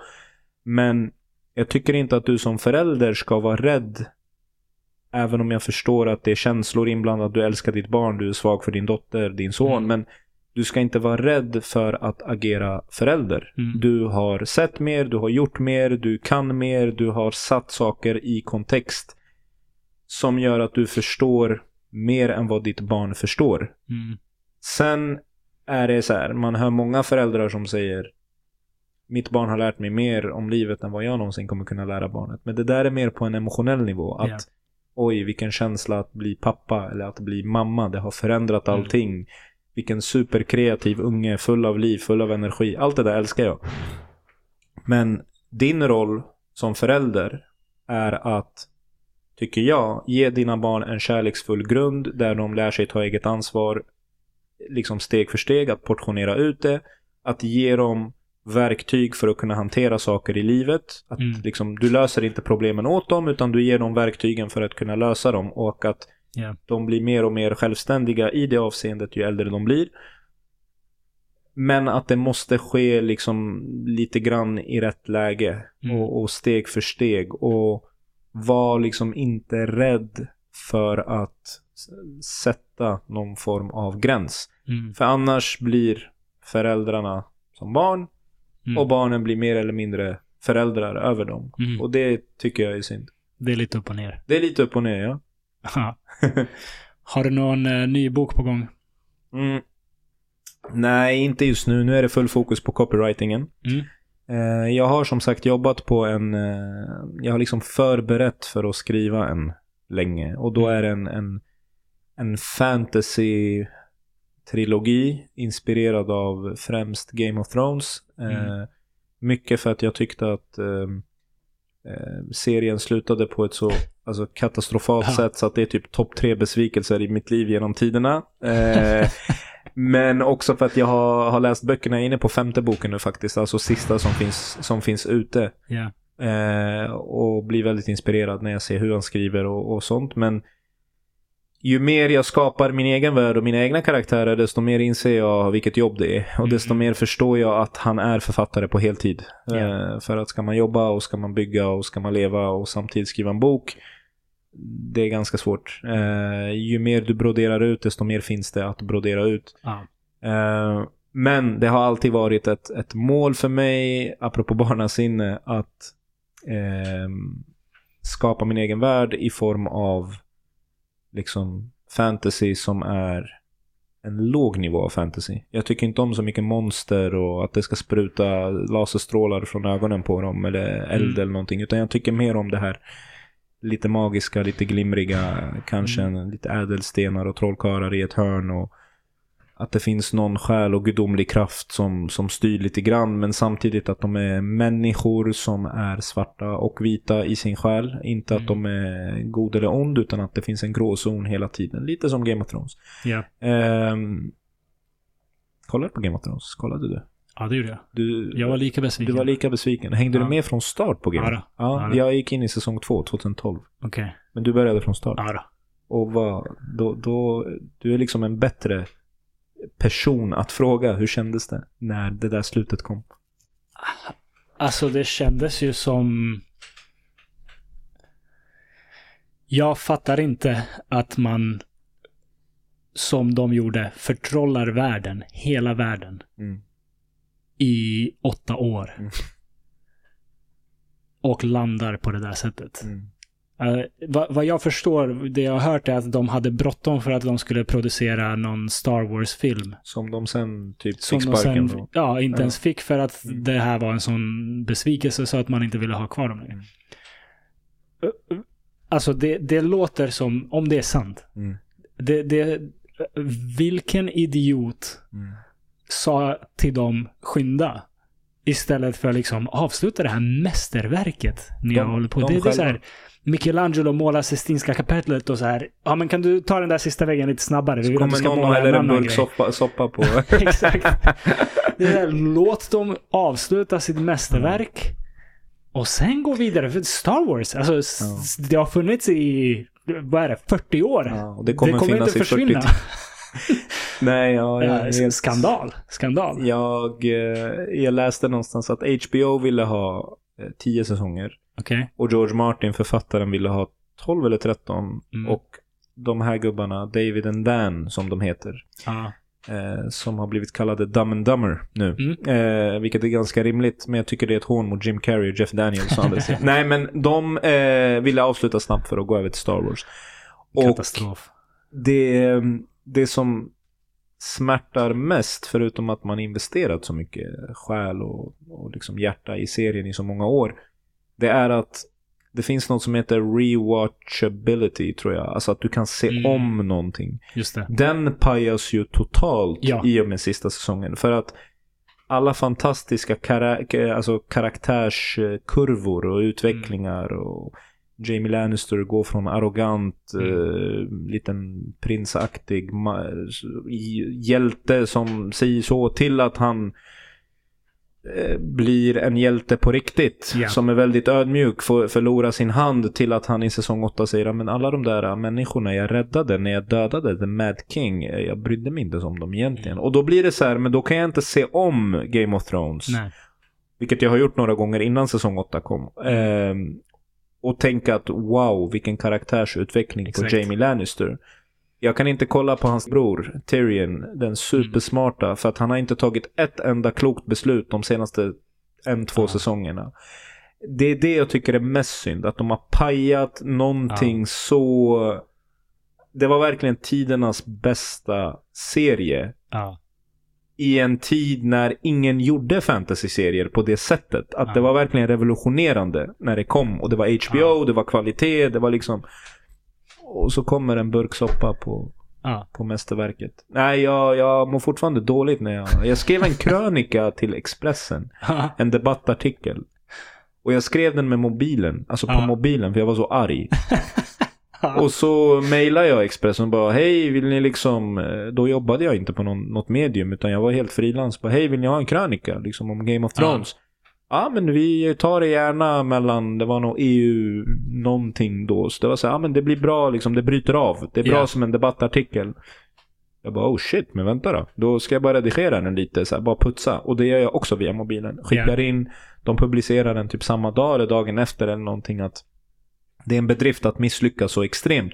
Mm. Och jag var så arg så jag har alltså skrivit hela via telefonen. Mm. Ehm, Och där liksom vädrar jag mitt missnöje över hur man verkligen tar tidernas bästa Ja. serie och butcher it. Alltså du verkligen slaktar den. Så idag om du frågar mig så är Peaky Blinders världens bästa serie. Okej. Den rekommenderar jag verkligen om du inte har sett den. Jag har sett, jag tror jag såg de första en och en halv säsongerna. Ja, och du... Och den fångade mig Okej, inte. ja men det, det är en och en halv säsong. Då har du ändå gett den Ja. tid liksom. Då är det en smaksak. Breaking Bad är min grej. Ja, jag, frugan rekommenderar den. Vi kollade på hela. Ja, Eh, fantastisk. ja, Apropå karaktärer. ja. Karaktärsutvecklingen där är, uff. Wow. Men å andra sidan, alltså så här, Game of Thrones charmen var ju också att den bröt ju alla de här barriärerna. Ja. Alltså folk som inte gillade fantasy kollade ju på Game of Oh ja. Thrones. Oh ja. Det var Jag, det jag som är ingen fan av fantasy. Nej. Och jag älskade Game of Ja. Thrones. Ja. Så att, nej. Det, var ju, det jag älskade med Game of Thrones är hur den behandlar makt, politik, det mänskliga. Mm. Alltså eh, rysningar av den där scenen. Eh, vad säger han? Knowledge is power. Mm. Och så skickar hon runt vakterna, skär av hans tunga. Nej, stanna, backa. Power, Power is power. Alltså Ja. jag får rysningar när Ja, jag ser den scenen. Det, det, det där jag älskade med serien. Hur, hur de eh, liknelserna, hur eh, kaosen stege. Vissa klättrar upp, Ja. vissa faller i avgrunden. Det är, så, åh, det är så vackert. Det finns ju en, eh, som, en scen som heter Tyrion Plays the Game of Thrones. Okej. Och då går Tyrion, när han är Hand of the King, han är alltså rådgivare till kungen. Ja. Och vill liksom, eh, liksom kartlägga vem han inte kan lita på. Mm, Så han det. går till tre olika personer. Varys, Littlefinger, de två schackspelarna och sen eh, Grandmaster Pycelle tror jag han heter. Så en Ja. äldre så här, i rådet. Och, Mm, och så säger, ger han dem tre helt olika versioner av vad han tänker göra. ja. För den som läcker ut, den versionen som läcker ut, det ger ju honom då, Då vet han då vet han vem det var. Och det Mm. läcker ju ut och det visar sig vara Grandmaster Pycelle för att de andra två är för smarta. Du kan Ja. liksom inte. Ehm, och på det sättet så har han spelat The Game of Thrones. Han har verkligen liksom Mm. kastat ut tre krokar och sett vilken det han får napp på. Och han får napp på en. Och jag har liksom försökt applicera den i, i livet och den funkar faktiskt. Du ger liksom två, tre versioner till två, tre personer.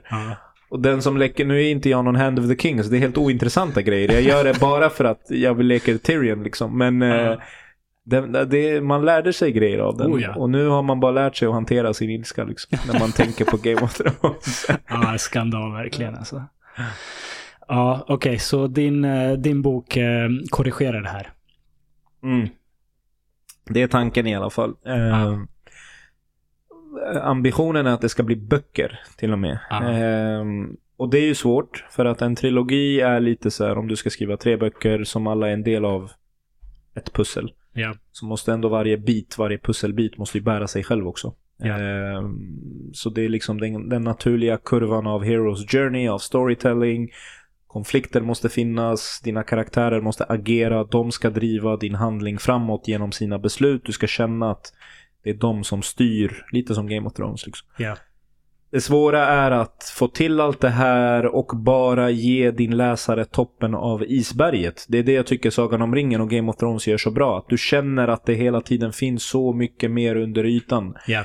Finns i an andra kulturer, andra länder, andra intriger. Det finns så mycket historia. Det är liksom Mm. allt du ser här är frukten av Ja. det gigantiska trädet vars topp du ser. Men du ser inte liksom stammen och rötterna och allting. Du bara hör om dem hela Mm. tiden. Ehm, och, och det är det jag tycker är så svårt. Det är därför jag inte Mm. Eller det är därför jag intalar mig att jag inte har kickat igång än. Jag gör ju fortfarande research. Jag bygger fortfarande min värld. Jag bygger mina kulturer. Jag Mm. bygger namn på karaktärerna. Ehm, men det är inte... Jag är ingen förespråkare av att skjuta upp nuet. Nej. Men just när det kommer till det här så är det en avvägning. Och avvägningen är, ska du etablera dig som frilansande copywriter nu när du har sagt upp dig? Eller ska du försvinna in i din förtrollade värld och skriva en fantasy-trilogi?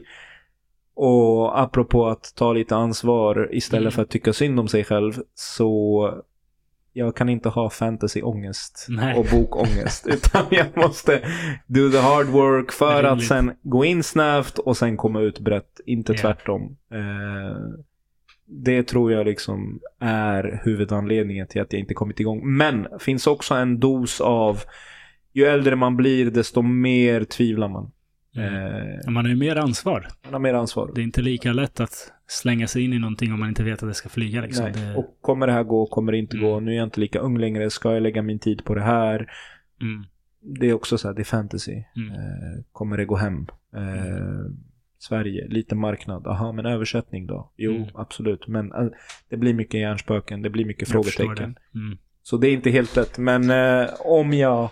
Allt har sin tid. Precis, allt har sin tid. Och om jag kör, då kommer jag lägga mobilen på, på stör ej. Ja. Så mycket kan jag, kan jag säga. Rimligt, rimligt. Okej, så det är all in på copy nu. Det är all in på copy. Eh, det är intressant hur copy skiljer sig från journalistik. Mm. Eh, journalistik som jag har vuxit upp med och som jag ändå är utbildad till och har jobbat med är mycket när, var, hur, vem, varför. Förklara, berätta, kanske beröra lite med en krönika eller med lite reportageliknande texter. Ja. Men i slutändan så ska läsaren typ tycka att oj vad trevlig text och sen gå vidare. Mm. Eh, copy är mer att sälja med ord, att få någon att boka, att köpa, att signa upp sig. Samtidigt som du inte låter för pushig, samtidigt som du ska trycka på känslor, samtidigt som du eh, ska trycka på vad fördelarna är med det här snarare än egenskaperna i den här produkten. Ja. What's in it for me kommer läsaren undra och då ska jag svara på frågan och då ska den personen bli kund. Så att den lilla förflyttningen från journalistiskt skrivtänk till Mm. copywriting skrivtänk. Jag vet inte om du kan relatera riktigt. Om du har ingen journalistisk bakgrund om jag har förstått det rätt. Men förstår du lite hur jag... Ja, absolut. Jag började ju att skriva bara för själens skull, så att Mm. säga, artiklar och, och så vidare. Mm. Och att sen skriva något som har ett väldigt specifikt ändamål. Det, det är ju en omställning, det är det. Vad är dina, liksom, om, om du skulle sitta i en studio, eller nu sitter vi i en studio, men om du skulle bli intervjuad eh, och så säger de, ja men vad är nyckeln? Hur skriver man bra copy? Vad, vad är liksom grejen? Vad hade du sagt Mm. då? Det första är definitivt det du precis sa, what's in it for me. Mm. Alltså, läsaren har miljarder andra saker att göra Mm. än att läsa din copy. Mm. Så det måste direkt säga varför ska jag läsa vidare? Eller det måste direkt ge en anledning till att läsa vidare. Så att man alltid, alltid har läsaren i åtanke i första hand, skulle jag säga. Ehm. Ja, vad mer förutom det? Ehm, enkelhet. Mm. Definitivt viktigt. Det ska aldrig... Att, att läsa upp det man skriver högt för sig själv är, en väldigt viktig eh, metod för att göra det så enkelt och begripligt som möjligt. Mm. Eh, om man själv läser det högt och någonstans hakar upp sig, ja men då måste du skriva om det. Mm. Så enkelhet, det ska aldrig vara någon friktion. Eh, väldigt mycket som när man jobbar med design, design av mjukvara eller whatever. Om det orsakar tre sekunder, eh, en sekunds liksom tvekan, ska jag trycka på den där knappen eller den där knappen? Ja, men då hoppar folk av och, och gör någonting annat istället. Så du måste eliminera all friktion verkligen. Ehm, och det gör man bäst genom att läsa det högt för sig själv och, och liksom ja, återigen sätta sig in i, i läsarens eh, plats och grilla sin egen text väldigt hårt för att minimera friktionen. Och vad vill liksom dina kunder i form av, vi säger företag som anlitar dig och så. Vet de om att det är, de, det är det här de vill ha? Eller är det, kommer de till dig i egenskap av att du är expert och säger vad behöver vi? Mm. Det beror givetvis på, eh, på kund och på uppdrag. Vissa är väldigt medvetna om vad de vill ha Mm. och behöver bara någon som sätter sig och gör det. Mm. Andra har ingen aning och vill liksom bolla idéer med dig och, och så vidare. Så det, det beror väldigt mycket på, varierar med uppdrag. Um, båda har sin charm. Jag kan tycka att det är väldigt skönt och, och, och trevligt när någon har en idé och så hjälper du dem förverkliga den idén. Men det är också nice att sitta i ett möte och bara, ha, jag har ingen aning om hur vi ska få ut det här budskapet. Men okej, vad är det då som är viktigt? Jag, jag gillar ju face-to-face-möten. Mm. Och där är min styrka som copywriter att ha ett samtal med en person om vad deras vision är. Varför? Vem, till vem vill du sälja? Vad, varför, är det här, varför tror du på den här produkten? Mm. Jag, jag brukar be folk bara prata fritt om vad, vilka de är och vad deras intressen är i livet. Inte ens prata om produkten. För att jag vill snappa upp de här små nyanserna som gör dem och deras verksamhet unika. Mm.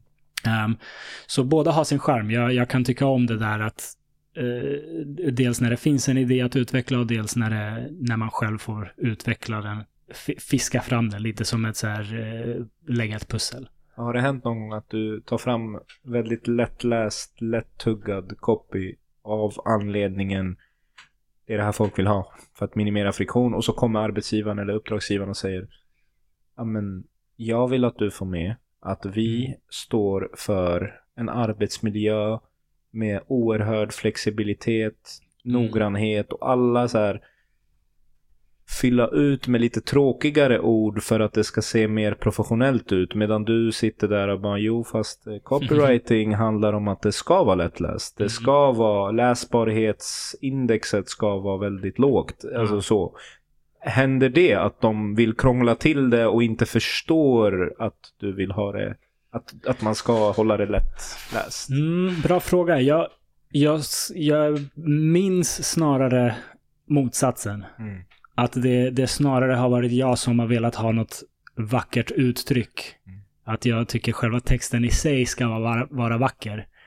Men då kanske blir det lite onödigt komplicerad. Mm. Och så är det beställaren som säger ah, det där var fint men jag förstod det inte riktigt. Jag behövde tänka på vad det, vad det betyder.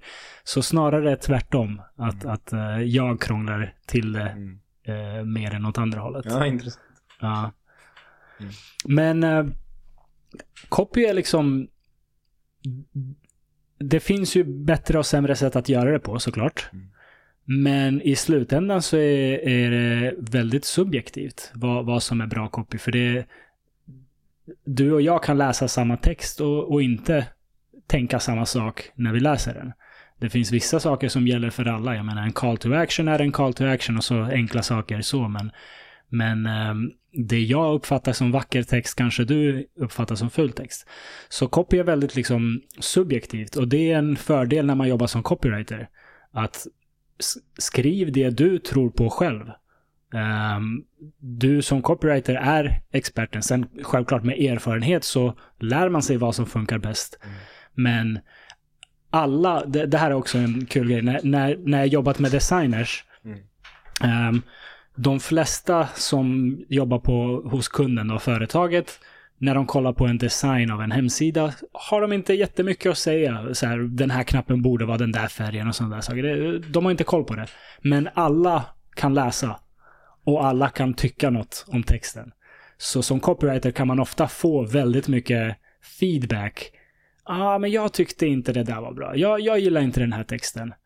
Eh, du vet, för att alla hos, ute hos kunden kan läsa och kan ha en åsikt. Och en del ska man ta till sig givetvis. Men en del måste man bara stå på sig. Och det här, nej men det här är, av den här anledningen är det här det bästa mm. eh, valet. Det enkelhet eller vad det nu än är. Eller kanske... Verb, uppmaning. Någonting ja. i den stilen. Liksom. Um, så, ja, det, det, nu minns jag inte vad det var jag skulle säga med det. Nej, men, men just det, att copy är subjektivt. Ja, det, det var ja, det jag skulle säga. Absolut, och det är ju charmen med det. Mm. Charmen med det, förlåt. Men, men det, är också, det är också det som gör att alla tycker till. Mm, precis, På gott och ont. precis. Ja, så det är bara liksom ha, skriv, skriv din uh, unika stil och ha en anledning till varför du gör det, men stå på det och liksom mm. det, här är, det här är bra copy av den här anledningen. Mm. Men sen i slutändan är det också precis som vi pratar om så många andra saker, balans. Mm. Uh, för kunden har ju i slutändan någonstans alltid rätt för att kunden betalar. Uh, så det är en balansgång där, vad man, vad man själv kommer med för input och vad jag har definitivt gjort jobb där jag inte tycker att texten är bra, men kunden är nöjd. Mm. Och ja, om det är så, så vad ska jag säga? Om det här är vad de vill betala för så eh, får de väl betala för det. Mm. Uh, så det är en balansgång. Tar du betalt i, alltså är det paket, är det per ord, är det per timme? Det beror väldigt också mycket på. Ja. Uh, per ord har jag inte förstått riktigt. För att jag tycker att om, en, om du kan använda tre ord istället för sju Ja. Så bör du göra det för att tajta till. Ja. Alltså, eh, men, per, även om det viktiga är flytet såklart. Men... Per ord är väl ganska ovanligt skulle jag säga. Det, det är mest i översättningar. Ja, att säga att källtexten har 500 ord. Okej, okay, mm. då får du betalt x kronor per ord Mm. eh, så är det så. Men, men det är ändå ganska ovanligt. Mm. Eh, det är mest översättningar. Eh, det bästa är väl att ha ett timpris som man själv är nöjd med. Och sen baserat på, eller beroende på vad uppdraget är, eh, kanske det, man ger ett paketpris. Okej, jag ska leverera de här fyra sidorna, eh, hemsidorna som ska ha text. Ja, men det kostar 10 000 eller whatever. Mm. Eh, men att ha ett timpris för sig själv för att ha som måttstock, det är här jag vill ligga. Ja, Liksom. just. Ja. Hur, eh, hur har det gått? Har du startat? Eh, Jag har startat. Eh, publicerade faktiskt ett inlägg. Idag är det tisdag när vi spelar in det här. Mm. Publicerade ett inlägg idag på LinkedIn där jag liksom offentliggör min rebranding kan man Mm. säga. Eh, jag har gått ett, eh, eller jag går faktiskt fortfarande ett Brand Accelerator program. Vilket är en eh, kurs som handlar om att bygga sitt personliga varumärke och eh, kunna attrahera leads med fokus på LinkedIn. Ja. Och det här är för att jag vill vara väldigt ödmjuk inför uppgiften. Inte tänka att ah, men jag kan det här. Utan jag vill liksom tillbaka till grunderna. Vad är det som Mm. gör att folk kommer välja mig och inte liksom ChatGPT eller en Mm. copypool. Ehm, och då är det lite det här med att vad lyfter man fram, vad lyfter man inte fram. Journalistiken är en bra grej att fronta, SVT, Aftonbladet, jobbat som copywriter på Svensk Bank, författare till tre böcker. Men det är inte intressant att du är mental coach. Det spelar ingen Mm. större roll om inte du ska skriva för någon Ja. mental som är hälsa, relevant. organisation eller så. Ehm, så att eh, nu är det, det har varit mycket bakom kulisserna jobb, det som inte syns. Jag har satt hemsidan, jag har satt LinkedIn-profilen, jag går den här kursen. Eh, det är allt från att liksom lägga till intressanta profiler på, på LinkedIn eh, till att eh, ta kontakt med eh, personer som jag känner som jag vet skulle vara intressanta samarbetspartners eller som, som eh, ja, skulle kunna länka ihop mig med någon intressant. Ett konkret exempel är eh, en redovisningsekonom som skött mina papper de senaste tre åren där jag har haft allt från liksom frilans till coaching till föreläsningar har jag haft i det här bolaget. Eh, Den här killen har tillsammans med sin delägare ungefär 200 kunder Mm. och då har jag sagt att eh, jag kan erbjuda mina tjänster till dina kunder eh, för ett rabatterat pris. Om du säger till dem att eh, men nu samarbetar vi med en exklusiv copywriter, vilket ni faktiskt gör, för jag har hjälpt dem med deras hemsida. Mm. Mm. Så får du som ja, driver en restaurang eller vad du nu gör, du får 15-10% rabatt. Ja. Kasta ut lite sådana krokar och liksom prova Mm. sig fram. Så att inga, inga uppdrag än så länge. Eh, men eh, väldigt eh, taggad på att liksom eh, dels här disciplinerad nog att sätta grunden men sen taggad att ändå blicka framåt och veta lite som du och jag skrev om när vi kom i kontakt att du, det ligger inte så långt ifrån det du producerar kontra resultatet och värdet du ser. Att det är i dina händer. Du kan liksom styra.